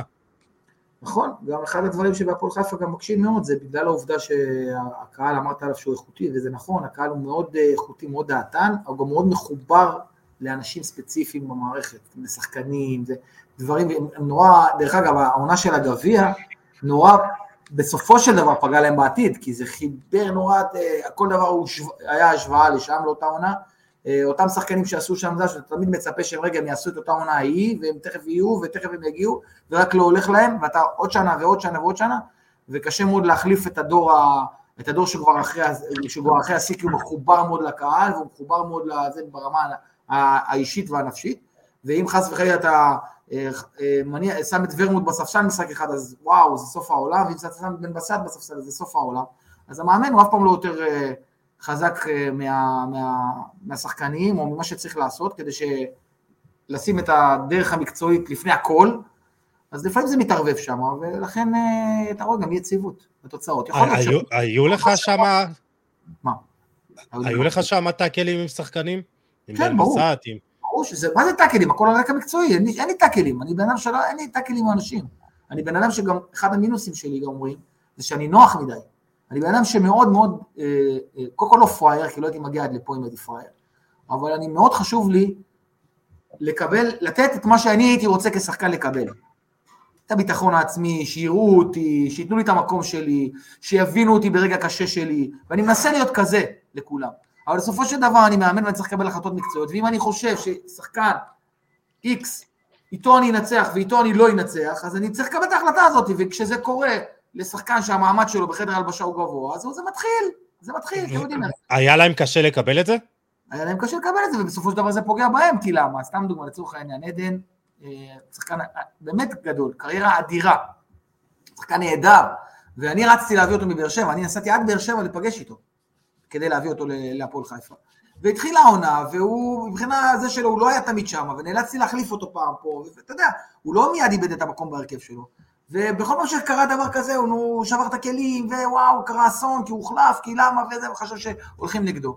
וכשאתה יודע את מקומך, ואתה מבין, וכל המערכת אה, משדרת לך, חבר'ה, זה טובת הקבוצה, תהיה, תקבל את זה, תהיה איתנו, תהיה, תוריד טיפה, אתה בסדר, יהיה לך גם יותר טוב.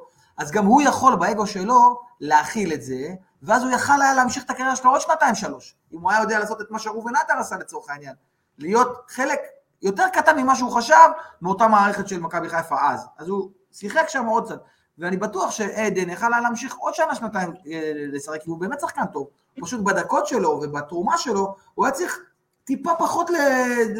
הוא היה צריך לבוא ממנו קצת פחות, כי הוא, מה לעשות, כבר, כבר אחרי השיא, אבל הוא כן היה לו מה לתרום, והוא פשוט לא יכול לקבל את זה, הוא רצה כל הזמן להיות הכי הזה, וזה, אתה יודע, זה, זה מתחיל פעם, עוד תקרית, תקרית שתיים, שלוש, ואז כבר נהיה נתק עם המאמן, ואז זה קצת בעיה. ואז כשמגיע המאמן הבא, הוא כבר מראש לא לוקח אותו. וזה בעצם הפגיעה שהוא פגע, בעצ... שכאילו שחקן במעמד הזה פוגע בעצמו. ולצערי הרב, אה, באמת, אה, אה, הוא נאלץ, אני, אני בטוח שאם זה היה תלוי בו הוא היה ממשיך לשחק, אבל ברגע שהוא ראה שהפועל חיפה לא לקחת אותו, הוא לא רצה ללכת למקום אחר. כשאלישע לא לקח אותו להפועל חיפה. זו רק הייתה דוגמה, יש לי הערכה ענקית לעדן ולשחקנים כאלה. אחד הפלוסים הגדולים בסכנין, זה ששחקן בסטייל של עדן, ורמוט וכאלה שכאילו בא מאירופה אחרי השיא, שזה בירם קיאל, עדיין בשיא. נראה נהדר. ואז זה חוסך לך את הבעיה הזאת.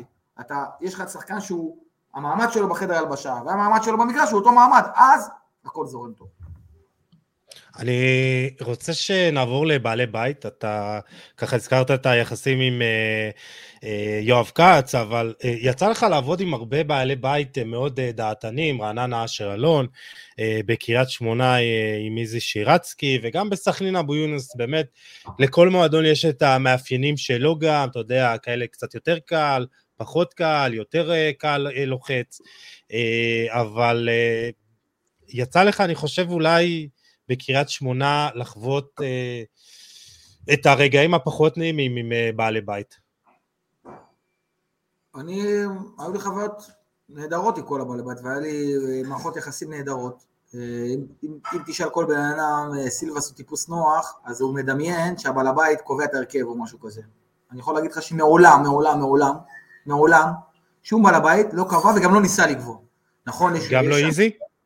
זה מה שאני רוצה להגיד לך, נכון, יש אנשים כמו איזי לצורך העניין, שהוא הוא איש, מק, הוא איש מקצוע, איזי זה איש מקצוע, איזי מבין כדורגל לא פחות ממך וממני, הוא מבין כדורגל, הוא בן אדם שיודע כדורגל, אז הוא יכול לאהוב שחקן כזה או אחר, לכעוס עליך אם אתה לא מקדם שחקן כזה או אחר, אבל הוא לעולם לא יבוא ויגיד לך, תשמע, אה, ההרכב צריך להיות השוער ככה, מגן כזה, מגן כזה, זה לא קורה אף פעם, הוא יכול להגיד למה השחקן הזה לא, ולמה זה כן, זה כן הוא יכול לשאול, אני מעדיף את זה ולא את זה, זה כן, אה, הוא יכול לכעוס עליך אם אתה הולך נגד, זה כן, אבל הוא לא יגיד לך, זה ההרכב, או זה אני קובע, זה לא, או זאת השיטה, זה לא, זה לא קורה, ובטח ובטח לא יואב, ולא אשר, וגם לא אבו יונס, אף אחד מהם מעולם לא ניסו לדבר, לדבר איתי בכלל על, הנושא המקצועי, אך ורק אחרי. יום אחרי, נפגשים, מדברים, או יומיים אחרי, מדברים לפעמים, אומרים, חבר'ה, יש לו את ההשגות, למה היה ככה, מה זה החילוף הזה, ואתה פורס, עונה בצורה מכבדת, ו... וזה הלאה, ממשיך. וככה גם הם מכבדים אותך, ואני רוצה להגיד לך שקיבלתי את הכבוד הראוי מכל, ה... מכל הבעלבתים בזמן העבודה שלי. כל הזמן קיבלתי את הכבוד הראוי, מעולם לא התפרצו כלפיי אה, בפומבי, מעולם לא אה, ניסו לקבוע לי הרכב, מעולם לא התפרצו לי לאס... לאספות, או ביקשו לעשות דברים שהם על הראש שלי, מה שנקרא. ואני חושב שזה בגלל, גם בגללם, אבל גם בגללי. זה בגלל האופי שלי, ובגלל הדרך שלי, שאני תמיד יודע איך להרגיע ויודע איך להכיל את הדמות שמולי. מצד שני הייתה לך, הייתה את התקרית עם איזי, אה, אז אה, במשחק מול הפועל באר שבע, גם, אתה יודע, שדברים יצאו החוצה, גם תקרית פחות נעימה ליד ההורים שלך, אה, כן, אז אני אומר... מי שמכיר את האצטדיון בקריית שמונה יודע שזה היה, שהכל שם צפוף, אז נפגשנו מאוד, מאוד קרוב ב... ב בתעלה הזאת שנקראת, כשהוא יורד מה, מהמדרגות והכניסה לחדר הלבשה הכל נורא צפוף שם, אז הוא זרק לי שם, זה היה ממש דקה אחרי המשחק, הוא זרק לי איזה משהו, למה לא רצנו לנצח, כן, הוא היה שם אחד אחד, למה לא רצינו לנצח, למה לא זה, וכל הכתבים היו שם, וההורים שלי גם היו שם, אז מיד הוציאו כותרת לדבר הזה. כן, וכשיצא, אני, אני לא ראיתי את זה בכלל ככה, אתה יודע, אני עניתי לו בצורה רגילה, זה היה נשמע לי כמו משהו רגיל שאני עונה לו, פשוט, פשוט היינו ליד הרבה מאוד אנשים. אז הם אמרו, זעף, כעס עליו, נזף בו, דברים כאלה, ואז בבוקר של למחרת נפגשתי איתו, ב... הוא היה באצטדיון, נפגשתי איתו, הוא אמר לי, אני לא ראיתי את ההורים שלך ואני מתנצל אם חס וחלילה הם נפגעו, אני בסך הכל אמרתי לך, וקיבלתי את זה, אתה יודע, הוא אפילו התנצל, הוא אפילו לא יודע על מה הוא התנצל, כי הוא לא באמת צעק ולא באמת נזף, אבל אתה יודע, הם עשו מזה, הכתבים עשו מזה אה, מעדנים, אה, כי הם היו ממש עלינו, יצאנו ככה, אתה יודע, כולם עלינו. אז אה, קפצו על זה. אז, אז לא גם, איזי, גם איזי הוא בן אדם בעל בית נוח, אתה אומר. אני אומר שאיזי הוא בעל הבית, בעל הבית, קודם כל שתדע שאיזי עד, עד המשחק, הוא הכי נוח בעולם. אין כמו איזי עד המשחק, הוא נוח, הוא ייתן לך הכל, והוא, והוא ממש אוהב, ואתה תיפגש איתו, ידבר איתך, ממש כמו אבא. ובמשחקים הוא, הוא, הוא אמוציונלי מאוד, והוא יכול לבוא ולתת את הדעה שלו אחרי, הוא יכול לכעוס עליך, הוא יכול, זה, זה לא נוח למאמן שכועסים עליו, או כי הוא, למה לא החלפת את זה, ולמה אתה יודע, זה דברים שאתה צריך לתת דין, חשוב, וזה לא תמיד נוח. אם אתה יודע לעשות את זה איתו, בצורה שהיא מכבדת אותך ואותו, אז אתה עובר את זה. להגיד לך שהוא... להגיד לך שהוא לא כעס עליי, להגיד לך שהוא תמיד דיבר אליי בצורה הכי, הכי, הכי בכבוד, לפעמים לא, אתה יודע, יש אמוציות ויש דברים כאלה, אבל ידעתי להכיל את זה והיה בינינו מערכת יחסים אה, מכבדת ואני מכבד אותו עד היום ואוהב אותו. וקל לא היה, אבל אה, אתה יודע, אבל אה, גם יש, יש, יש, הפלוס גובר על המינוס פה, כי, כי הוא נותן לך, הוא מחזיק את הקבוצה לבד ונותן לך כלים מצוינים ויש שם שקט נורא גדול בקריית שמונה והתנאים מעולים, אז לפעמים אתה צריך להתמודד עם דברים קצת לא נוחים, אבל זה, זה משהו שאם אתה יודע להבין את האישיות של, שמולך ולכבד אותה, אתה גם מרגיע את זה וגם הוא מכבד אותך, ואני חושב שהיה לי מערכת יחסים בסוף בסוף בסוף מאוד מכבדת, וגם ככה נפרדתי מקריית שמונה, אני חושב שזה גם החוויה שחווינו אחד את השני, אה, אני ואיזי, וזה נכון גם לגבי שאר הבעלבתים. השאלה שלי, חיים, לגבי בעלי בית, לא הצלחת להוציא כותרת. לא, זה לא המטרה. לא, אנחנו לא קופצים. להבין אבל אם יש לך כותרת, תגיד לי, סתם. כן. חיים, יש לי איזה... השאלה שלי, האם יש אפיון ברור לבעלי בית? נניח, איזי רוצה צעירים ורוצה כדורגל התקפי. יואב רוצה פלייאוף עליון ורק זה מה שמעניין אותו. אתה מבין מה אני מתכוון? או שזה דברים שהם בשלוף. אתה מבין? תרבות של שלוף, שכל פעם משהו אחר, כל פעם בא לך עם סרט אחר, תשחק שלוש בלמים, תשחק אה, שתי חלוצים, אתה יודע. זה מה ש... אני לא- עוד פעם אומר לך, אף פעם לא אמרו לי צריך שלושה בלמים, שתי חלוצים. לא, לא לי לא אמרו את זה. לי לא אמרו את זה, אני לא חוויתי את המשפטים האלה. אף פעם לא אמרו לי צריך ככה וזה כי למה? כי כשאתה יושב מול הבעל הבית ומסביר לו את הרעיון ומסרטט לו לפעמים את זה. מה הרעיונות שלך, איך אתה עושה את הדברים האלו, אז הוא מקבל את מה שהוא מקבל בסופו של דבר. לשתף צעירים, אמרו לך, לשתף שחקני נוער. אני לא זוכר לי משהו כזה, אבל זה לגיטימי מאוד. נכון, אני לא, אני לא. אם אתה בא לאייקס, תגיד לי, אתה יכול לא לעשות את זה? יש מאוד, שהם הרבה יותר גדולים מהמאמן, ואם באיזי שירצקי דוגל בלשתף צעירים, אז בטח שנשתף צעירים, אבל איזי שירצקי גם, לא רק שהוא דוגל בדבר הזה, הוא גם יגרום לך לעשות את זה.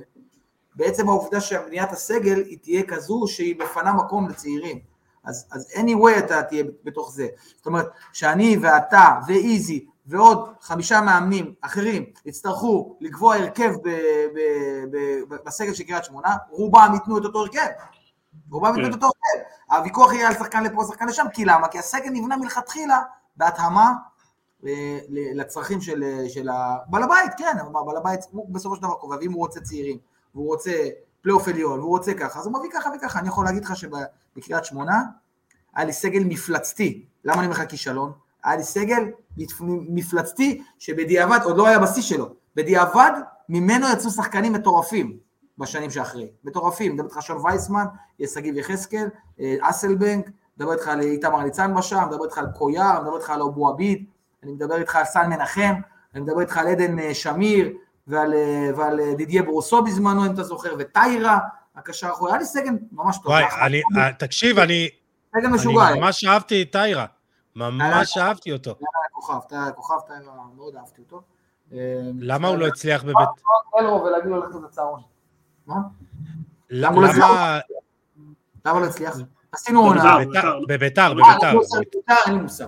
עד שאלת שאלה כזאת, כי אני אגיד לך למה, כי מה שאני ואתה רואים במסך, הוא לא קרוב לעבודה היומיומית הסיזיפית, כל כך הרבה דברים יכולים להיות הגורמים לה- להצלחה או לחוסר הצלחה, לכן קל מאוד אה, אה, לנו מהעיניים הרחוקות שלנו לבוא ולהגיד, אה, אחרי שאתה רואה את המוצר המוגמר, להגיד זה בגלל זה או בגלל זה, אבל בשורה התחתונה יכול להיות, יכול להיות אפילו דברים קטנים, יכול להיות שהוא, הבית שלו שהוא קיבל מהזה לא הסתדר לו עם אשתו, יכול להיות שאיזה שחקן בקבוצה לא התאים לו כבן זוג בעמ- בעמדות, יכול, אתה יודע, דברים קטנים שאתה לא יכול להבין אותם. לא, לא, ברור. נהדר, הוא היה שחקן נהדר, והוא נמכר ל... הוא נמכר לביתר ירושלים בהרבה כסף יחסית, ב-200 אלף, אה, 200 אלף יורו. אני, אני, אני מאוד אהבתי אותו ורציתי שהוא יצליח בביתר, אבל על איזה שחקן אתה יכול לקחת קרדיט? מה? על איזה שחקן אתה יכול לקחת קרדיט? על. ההתקדמות שלו? אתה יודע, אתה יודע איזה צנוע אני בדרך כלל, אבל הבנתי שאף אחד לא יעשה את זה בשבילי, אז אני צריך לתת לך את כל הרשימה. נו, עשיתי הרבה דברים, אני חייב להגיד לך. קודם כל, תראה, בוא נלך על שחקנים שנמכרו, בתקופתי, בקבוצות שלי, אוקיי? אז זה טוני וואקמה שנמכר. ו- אז רגע, יש שאלה לגבי טוני וואקמה, כן. אה, משלב בוקטוס. אה, הוא שואל אם היה לך חלק בהבאה שלו אה, לרעננה. היה, היה סיפור מרתק העניין של, של טוני, אני הייתי עוזר מאמן של מנחם קורצקי ומאמן הנוער. ונורא רצינו שחקן כנף, אבי נימני נתן לנו את השם, ישבנו על הקלטות אני ומנחם. וראינו ראינו שחקן חזק, אתה יודע, אבל זה נראה לך כמו כל שחקן כזה שמציעים לך, לא היה משהו יוצא דופן שראינו. אני זוכר שמשהו אחד תפס לנו את העין, שזה היה אה, ה dribble שלו על ה pace. הוא לא היה לו הרבה גולים ברומניה, והוא היה איזשהו תשע שעשה איזושהי הסבה לכנף שמאל, וזה היה בדיוק בהסבה, אז אתה יודע, לא היה לו מספיק מספרים, וכמעט ולא היה חומר מטורף לראות עליו. בואו נגיד ככה שאם הוא עשה, הוא עשה לעצמו קלטת, הוא עשה אותה מהתקופה שלו ברעננה והלאה, ולא לפני. אה, כן, אני אומר לך את האמת, זה, זה לא היה משהו יוצא דופן. אז מה גרם לך להביא אותו? Yeah, ומה, ומה שקרה זה הכניסה שלו בבייס, הדבר הזה שאתה מגיע לקו ופתאום עושה גם דריבל בבייס, זה תפס לנו את העין, אבל גם לא נפלנו, לא אמרנו, היינו כל כך בלחץ ואמרנו בוא, בוא, ניקח, בוא ניקח אותו. והחתימו אותו משהו בסכום, בסכום אה, אה, נמוך, 70-80 אלף, אלף דולר, אלף יורו, משהו כזה, לשלוש שנים שזה מטפס עד 160, משהו כזה, ו- וזהו, הלכנו הלאה. אה, פתאום אחרי איזה שבוע וחצי שמענו ש... אה, קוראים באיזשהו מקום ש... שהוא חתם בקפריסין לשלוש שנים, 250-270 אלף יורו. אבל אה, איך זה יכול להיות? הוא חתום אצלנו. לא, הסוכנים שלו אה, מודיעים שהחוזה איתנו לא קיים, ו... והוא חתום בקפריסין. בסדר, אשר אלון החליט שהוא תובע אותו, את, את, את, את וואקמה ואת הסוכנים שלו, והמשכנו הלאה. אתה יודע, זה לא היה איזה, לא ידענו מי זה. המשכנו הלאה, ויש תביעה עומדת.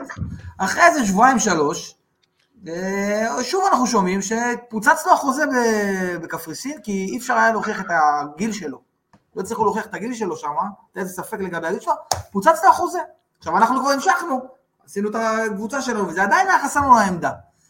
ואני זוכר שחזרנו למחנה אימונים, וישבנו ואמרנו, והדבקנו, בן בנימין הגיע קשר, הבאנו חלוץ פורטוגלי, וזה היה לנו רק העמדה הזאת, ואמרנו, מה, את מי נביא, את מי נביא, ושכחנו ממנו.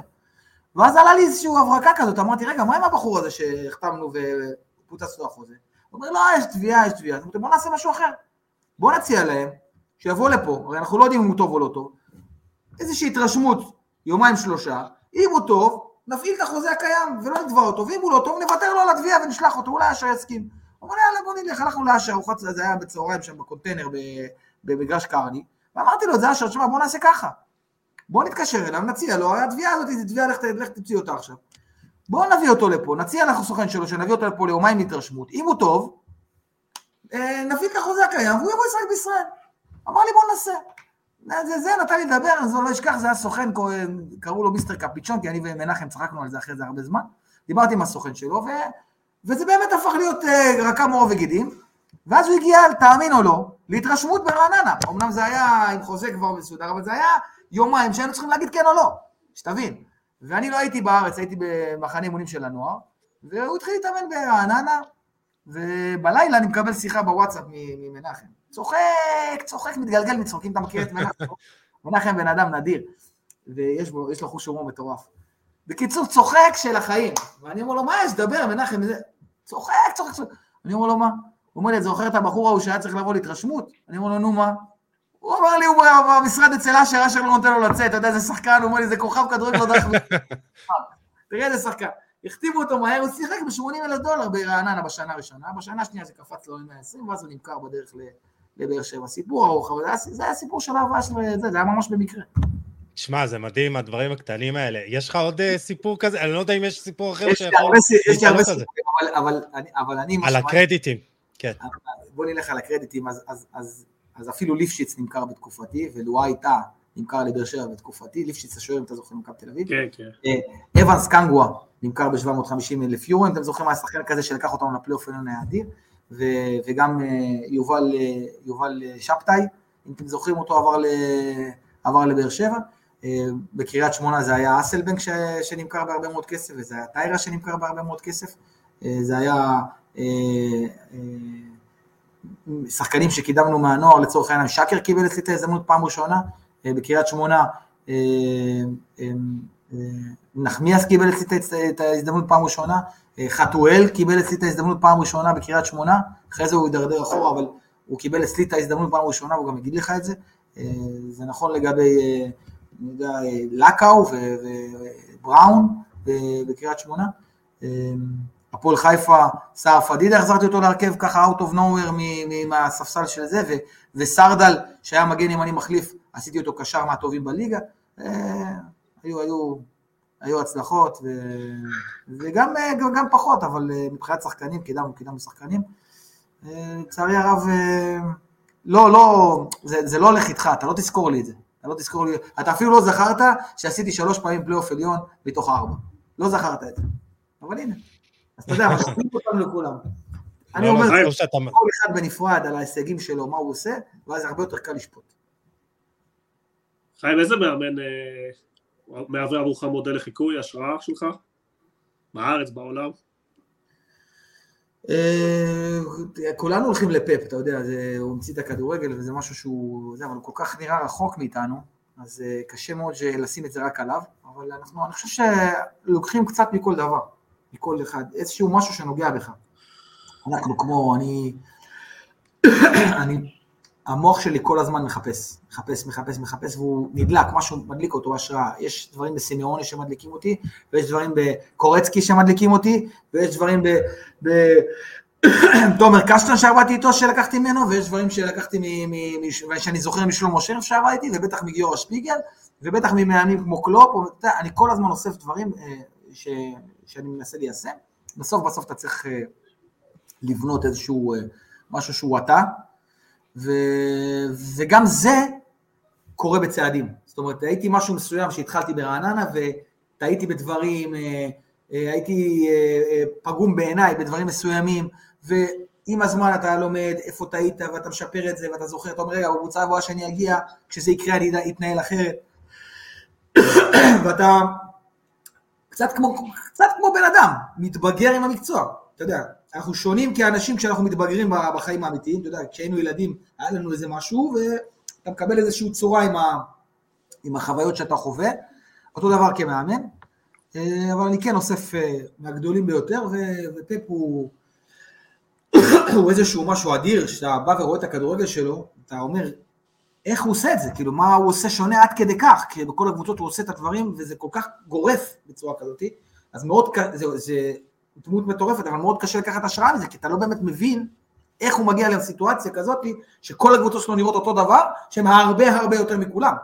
זה, זה, זה, זה כאילו, איזה כבר, מה כבר הוא יכול לעשות שהוא, הרי אנחנו נמצאים כולם באותן השתלמויות, הכל, כל התכנים פתוחים, ואנחנו אוספים ומנסים להבין, אז הוא, ה, נקרא לזה, ה top model של, ה, של המאמנים בעולם, אבל אה, השראות אני גונב וסוחב בצורה אקראית מכל מה שאני רואה.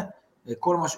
אני יכול לראות תוכנית על, אה, סתם דוגמא, בפריים וידאו אני רואה סדרה על ארסנל, ודברים שם שהוא אמר, פתאום הופ, קולטים עוד, נתפס לי, ובואנה, זה אהבתי את הרעיון, את המחשבה הזאת, זה משהו שאולי אני צריך לאמץ, או ארטטה, ואתה יודע, אתה רץ, אתה מנסה כל הזמן לאסוף, אתה יודע, בידיעה שאתה רחוק מהם, רחוק מהם. שאלה שמעניינת אותי, מה לקחת ממנחם קורצקי? אתה לוקח הכל, תשמע, אתה לוקח, אתה רואה איזשהי אה, אימון מסוים שעשה, איזשהו אה, שיחה מסויסה עם שחקן, בהתחלה שלך כעוזר מאמן, אתה לומד. אני בטוח שגם העוזרים שלי למדו ממני בדברים מסוימים. אז אתה לומד. כשאני אמרתי לך מנחם קורצקי, זה כדי באמת להפתיע אותך ולהגיד לך ש, שלומדים מכולם. אתה, אתה בן אדם שלא לומד מכולם, הוא לא יכול להתקדם. אתה צריך ללמוד מכולם, ומנחם אחלה מאמן, ויש הרבה מה ללמוד ממנו, וגם לקחתי ממנו הרבה מאוד דברים, סגנון, אימונים, דברים שהוא עשה ואמר. מכולם אה, לקחתי, ובסופו של דבר אני, אני בסוף, בסוף, בסוף, אה, יש לי את הסגנון שלי, ואני בטוח שאם תשאל שחקן, לגביי ולגבי מאמנים אחרים, הוא יגיד לך, חיים לא דומה לאף אחד. אז אני מניח שזה ככה גם לגבי כל המאמנים. כל אחד יש לו בסוף את הטאט שלו. אתה יודע מה, נקרא לזה כמו טבח. יכול להיות אותם מרשמים, וזה יכול להיות אותם רעיונות, אבל בסוף הטאץ' משנה את הטעם, לא יעזור כלום, אני אעשה חביתה ואשתי תעשה חביתה, ואיכשהו באותם היא תגיד לי בדיוק מה לעשות, שלי יצא מזעזע ושלה יצא מעדן. לא מצחיק. אה, טוב, שאלה אחרונה ככה, נושא אחרון לפני שאלון סיום קצר, כי בכל זאת אה, גם היית שחקן ולא נגענו בזה, אז נחזור ממש בקטנה לקריאת המשחק שלך. אה, היית שחקן כישרוני מאוד, אבל גם נפצעת לא מעט. ובכל זאת כבשת גם שער מול אייקס במשחק ידידות, ויש שאלה מעומר אה, איינורן, שככה, אה,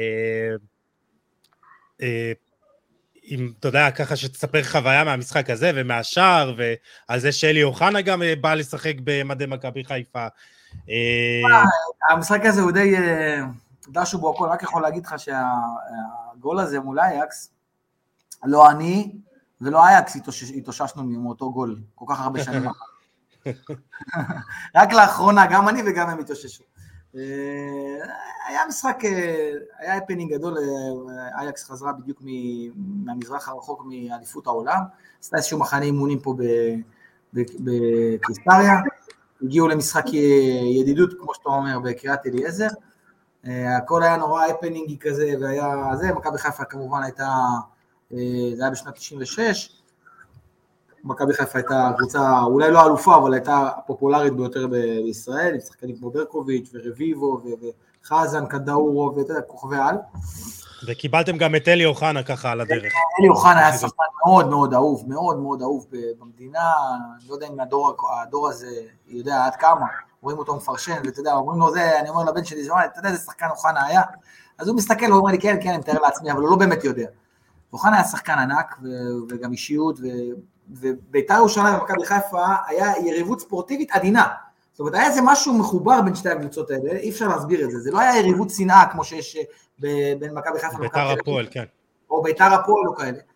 ואני לא יודע איך נוצר הקשר והביאו את אה, זה, אני הייתי שחקן צעיר. אני, את האמת, להגיד לך, לא חשבתי שאני אשחק במשחק הזה בכלל, היה סגל מטורף, הייתי שחקן צעיר. במחצית הוחלפו שחקנים ונכנסתי, אני ועופר שטרית, אם אני לא טועה, נכנסנו. התוצאה הייתה אחת-אחת. ושיחקנו.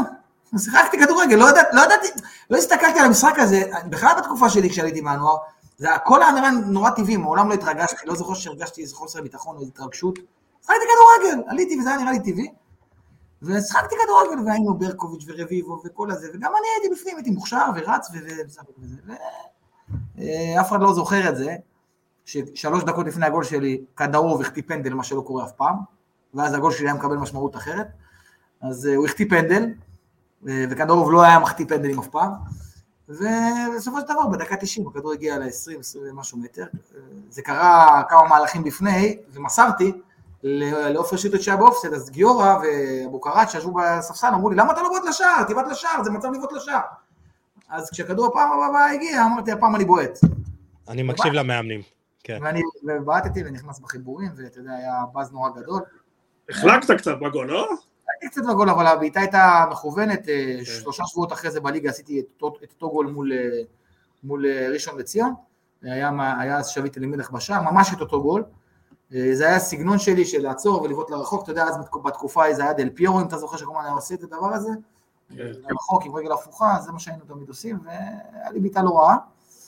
וזהו, ואתה יודע, מצד אחד אומרים רק, רק את זה זוכרים לו, מצד שני, בקריירה... היית, גם, היית גם חלק מהקבוצה ש... בקריירה הבינונית...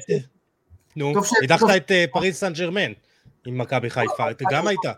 נכון, במשחק הראשון בפריז אני פתחתי בהרכב, ושם נפצעתי, במשחק השני כבר לא, לא שיחקתי, וכן, אה, גם החוויה הזאת חווינו עם מכבי חיפה.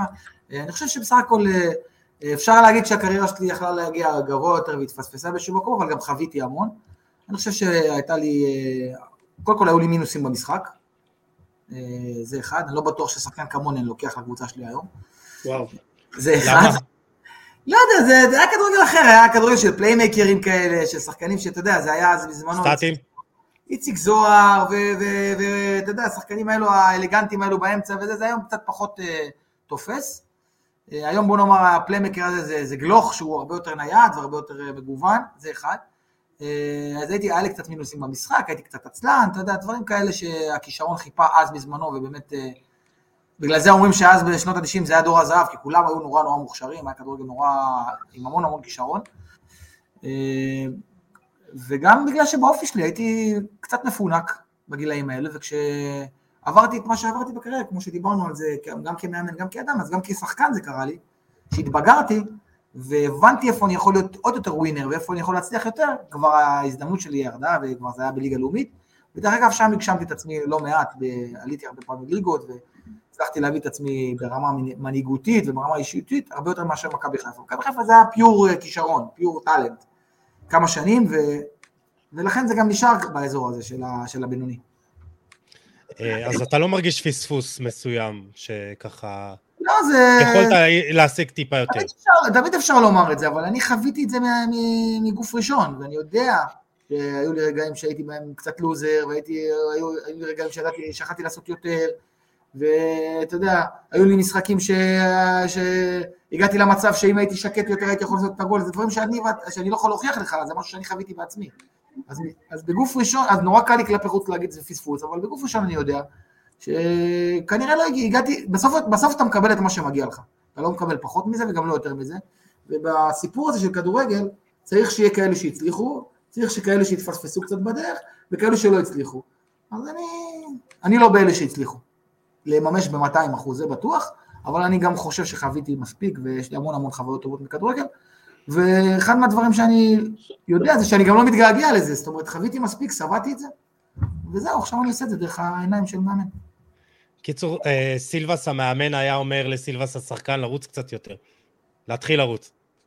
הכדורגל השתנה קצת מאז, הכדורגל השתנה קצת מאז, אין היום אה, כישרונות אה, נקיים כמו שהיו בשנות ה-90, שחקנים כמו היום אתה רואה את הכדורגל הרבה יותר דינמי, הרבה יותר קצבי, הרבה יותר רגליים חזקות, הרבה יותר פיזי.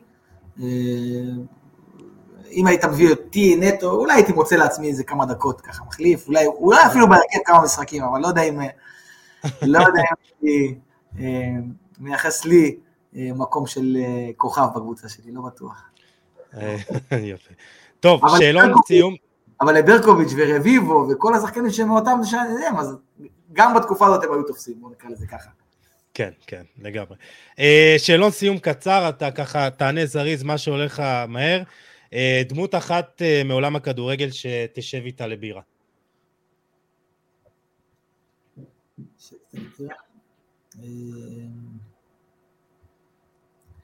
ראובן עטר.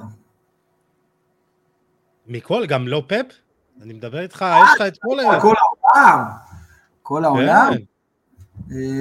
מי הייתי יושב איתה לבירה והוא היה מבין אותי, הוא היה מבין את האנגלית שלי?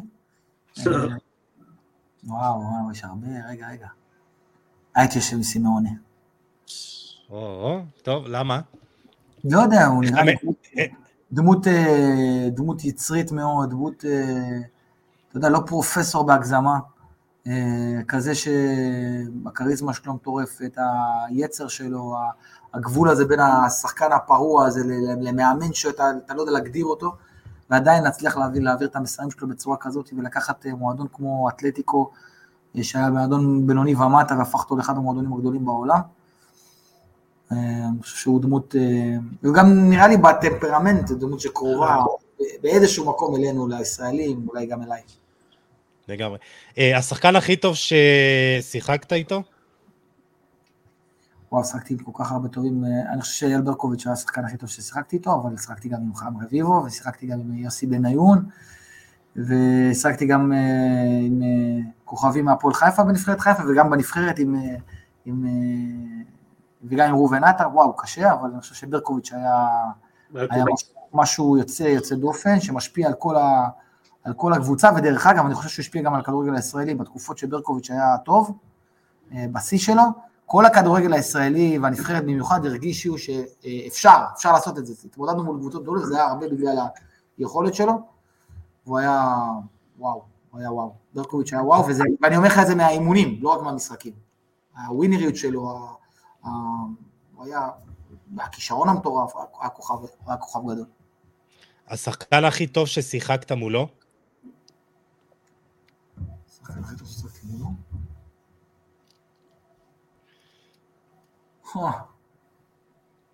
אה, לא יודע. ג'יי ג'י אוקוצ'ה? אה, מרקו סימונה? אולי? יפה. רגע, אה, רגע. יש רק שנייה, תן לי להיזכר. קלייברט אולי? כן. קלייברט במילאן, שהוא היה, ששחקנו בנבחרת חיפה מולו, קלייברט זה היה. אה, ליטמנן אולי? וואו, לא יודע. דוידס אולי? אולי דוידס, אדגר דוידס. חתיכת שמות. Uh, המאמן הישראלי הטוב בכל הזמנים? טוב בכל הזמנים. וואו, אני לא רוצה להעליב את הדור הקודם, אבל נראה לי שכבר בכר. בכר. נראה לי כן. שכבר הגיל והסמיכות שהוא עושה את מה שהוא עושה, לא נראה לי שתשאיר כבר אה, את האופציה הזה, אבל קשטן ושלמה ו... אתה יודע מה? מי שבעיניי היה אה, באמת באמת גאון, ענק, ענק, ענק, שבאיזשהו מקום הכדורגל שלנו פספס אותו. אני לא אומר שהוא התפספס, זה הכדורגל, זה גיורא שפיגל. גיורא שפיגל שינה פה את הכדורגל, את הדרך של האימון, אה, את מה שאנחנו עשינו כמאמנים, עושים עכשיו, הוא עשה בשנות ה-90, הסגנון אימון וה... בכלל ההתנהלות, אבל זה היה זמן קצר מדי, כי הוא היה טיפוס טוב מדי, ואולי ישר, אני לא מכיר אותו ברמה עד כדי כך אישית, אבל כנראה שהוא היה טיפוס שלא יכל להתמודד עם ה... לשחות בתוך. בתוך הפוליטיקה והמיץ הזה ש... שצריך לשחות כמאמן פה, אז הוא מהר מאוד נעלם מהנוף, מהנוף של המאמנים, אבל הוא היה וואו. הוא היה וואו, אבל עדיין אני אומר, מה שברק בכר עושה, זה כנראה הכי טוב בכל הזמן. אה, שאלה בשביל יוני, המאמן הכי טוב בעולם אה, כיום, ולמה זה ליונל סקלוני?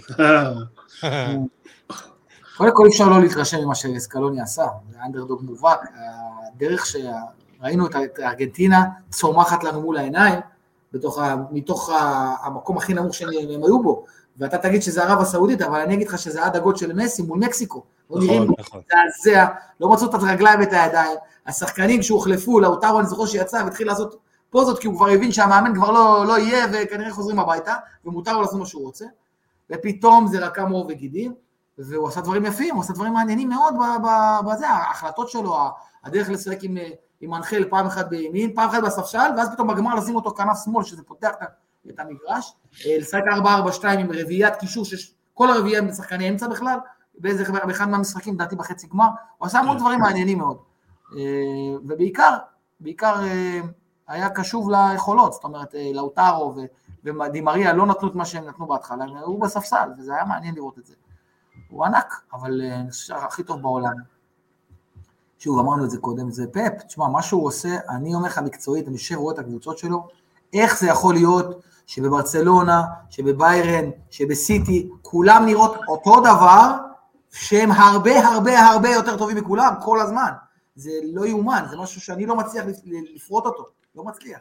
אני מתפעל מזה כל פעם מחדש, ויגידו לי, בחירת שחקנים. לא, כי, כי אותן קבוצות שהוא עזב כבר לא משחקות את הכדורגל הזה.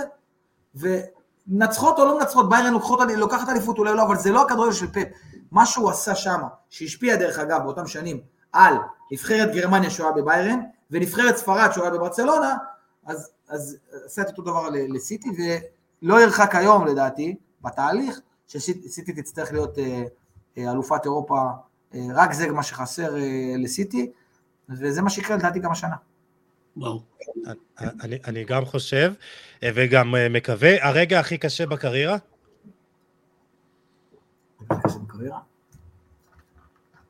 אה, לא היו לי כמה. היו לי כמה. אה, פעם אחת, היו לי כמה קריירות בהרגשה שלי. פעם אחת הקריירה הראשונה שלי זה אמר במכבי חיפה, שהייתי שחקן צעיר וכישרוני, אז הפציעה הזו שהייתה לי בפריז, זה היה רגע שפתאום אה, הייתי ממש קרוב, ופתאום אה, נדחקתי אחורה לגמרי, וכשחזרתי כבר לא הייתי על הרכבת. ואחר כך בקריירה שלי ככדורגלן, אחד, אחד ה... אולי המקרה, המקרה הכי שהכי, הרגע הכי קשה שהיה לי זה היה שפספסנו את העלייה בקריית שמונה, 2-2 הפועל רעננה, עליתי ליגה ברציפות בהרבה מאוד קבוצות, ושם, במשחק האחרון, פספסנו את העלייה, ועד הרגע האחרון חשבתי שעובדים עליי, שמשהו משהו היה צריך לקרות, וכן עלינו, אבל בסוף לא עלינו, זוכר שזו הייתה טראומה גדולה. ואני מניח שאם אני, אם אני, זאת אומרת, לא היית מתחיל אותי, הייתי מוצא לך עוד איזה כמה. היו לא מעט רגעים קשים. לא, בוא נאמר, בוא נאמר, אני יכול לעשות greatest hits.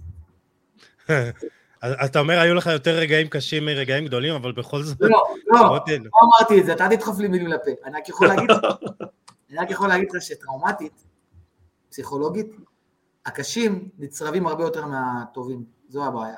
בזיכרון שלך. תשמע, אני, אני, אני תמיד אה, אומר, אתה יודע, אני גם אה, בעולם הזה, אה, שבחרנו את המקצוע הכי גרוע שיש בעולם, כי בכל שבוע אתה נבחן מחדש, ויש הרבה יותר רגעים קשים מאשר הצלחות, אתה יודע. זה, זה לא נכון.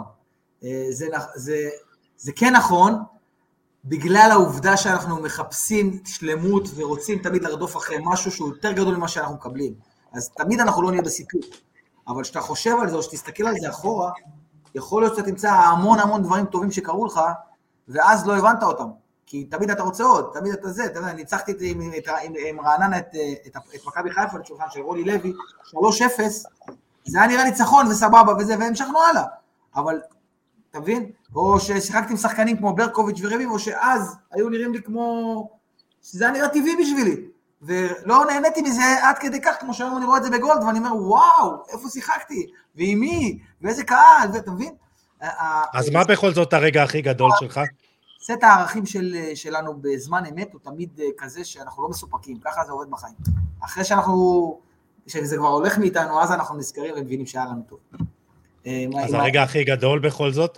לא, הרבה רגעים טובים. קודם כל, אה, אשר כמאמן היה לי אחד הרגעים הגדולים שזה שחזרתי מאותם פיטורים ניצחנו אה, בבאר שבע ביום קפוא, עמדתי לבד, לא היה לי אפילו עוזר מאמן שם, כי גם הוא כבר עזב, וכל השחקנים רצו אליי, וזה היה היום אחד הרגעים המרגשים שלי כמאמן, אה, העלייה לפלייאוף העליון עם רעננה, העלייה לפלייאוף העליון עם, אה, דרך אגב, עם, עם הפועל חיפה, זה היה משחק בבני יהודה, אה, היינו צריכים תיקו, אה, לישה לוי מאמן בני יהודה, ובני יהודה מנצחים, הם עולים, ודקה 93 או 4, לזמי של בני יהודה, בועט כדור שהלך סנטימטר מהחיבורים והייתי ככה קרוב לפספס את זה, ואז שריקת הסיום וזו הייתה שמחה מטורפת.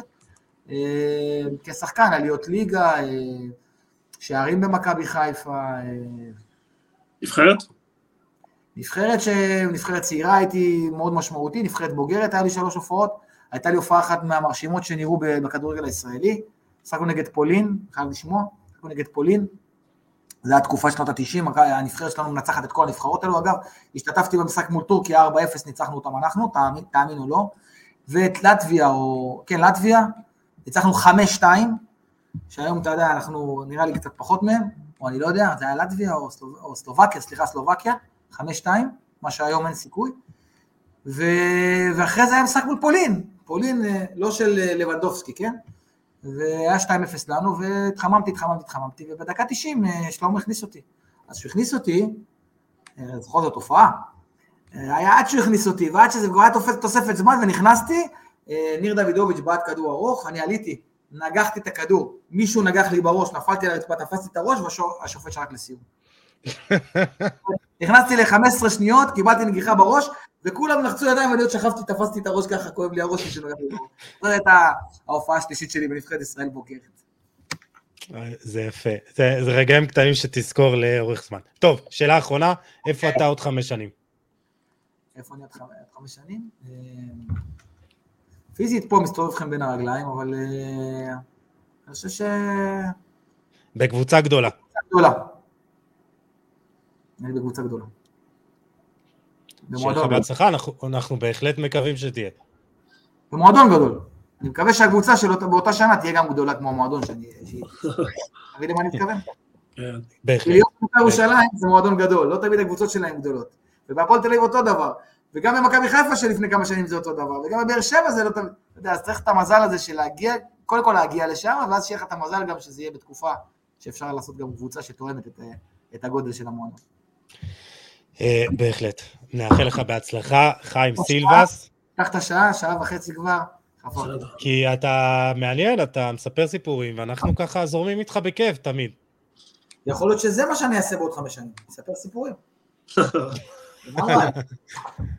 אה, ב- ב- במקביל לקריירת אימון שלך, נקווה ונאחל. אה, חיים סילבס, תודה רבה.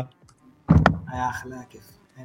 אה, יוני מונפו, תודה גם לך, כמו תמיד, בכיף. לעונג. אנחנו ניפרד מהמאזינים שלנו, תודה שהייתם איתנו, אתם מוזמנים, כמו תמיד, לתייג, לשלוח לנו את מה שאתם חושבים ולשתף את הפרק. ניפגש בפרק הבא עם עוד תוכן מעניין ואיכותי, תשמרו על עצמכם, יאללה, Bye.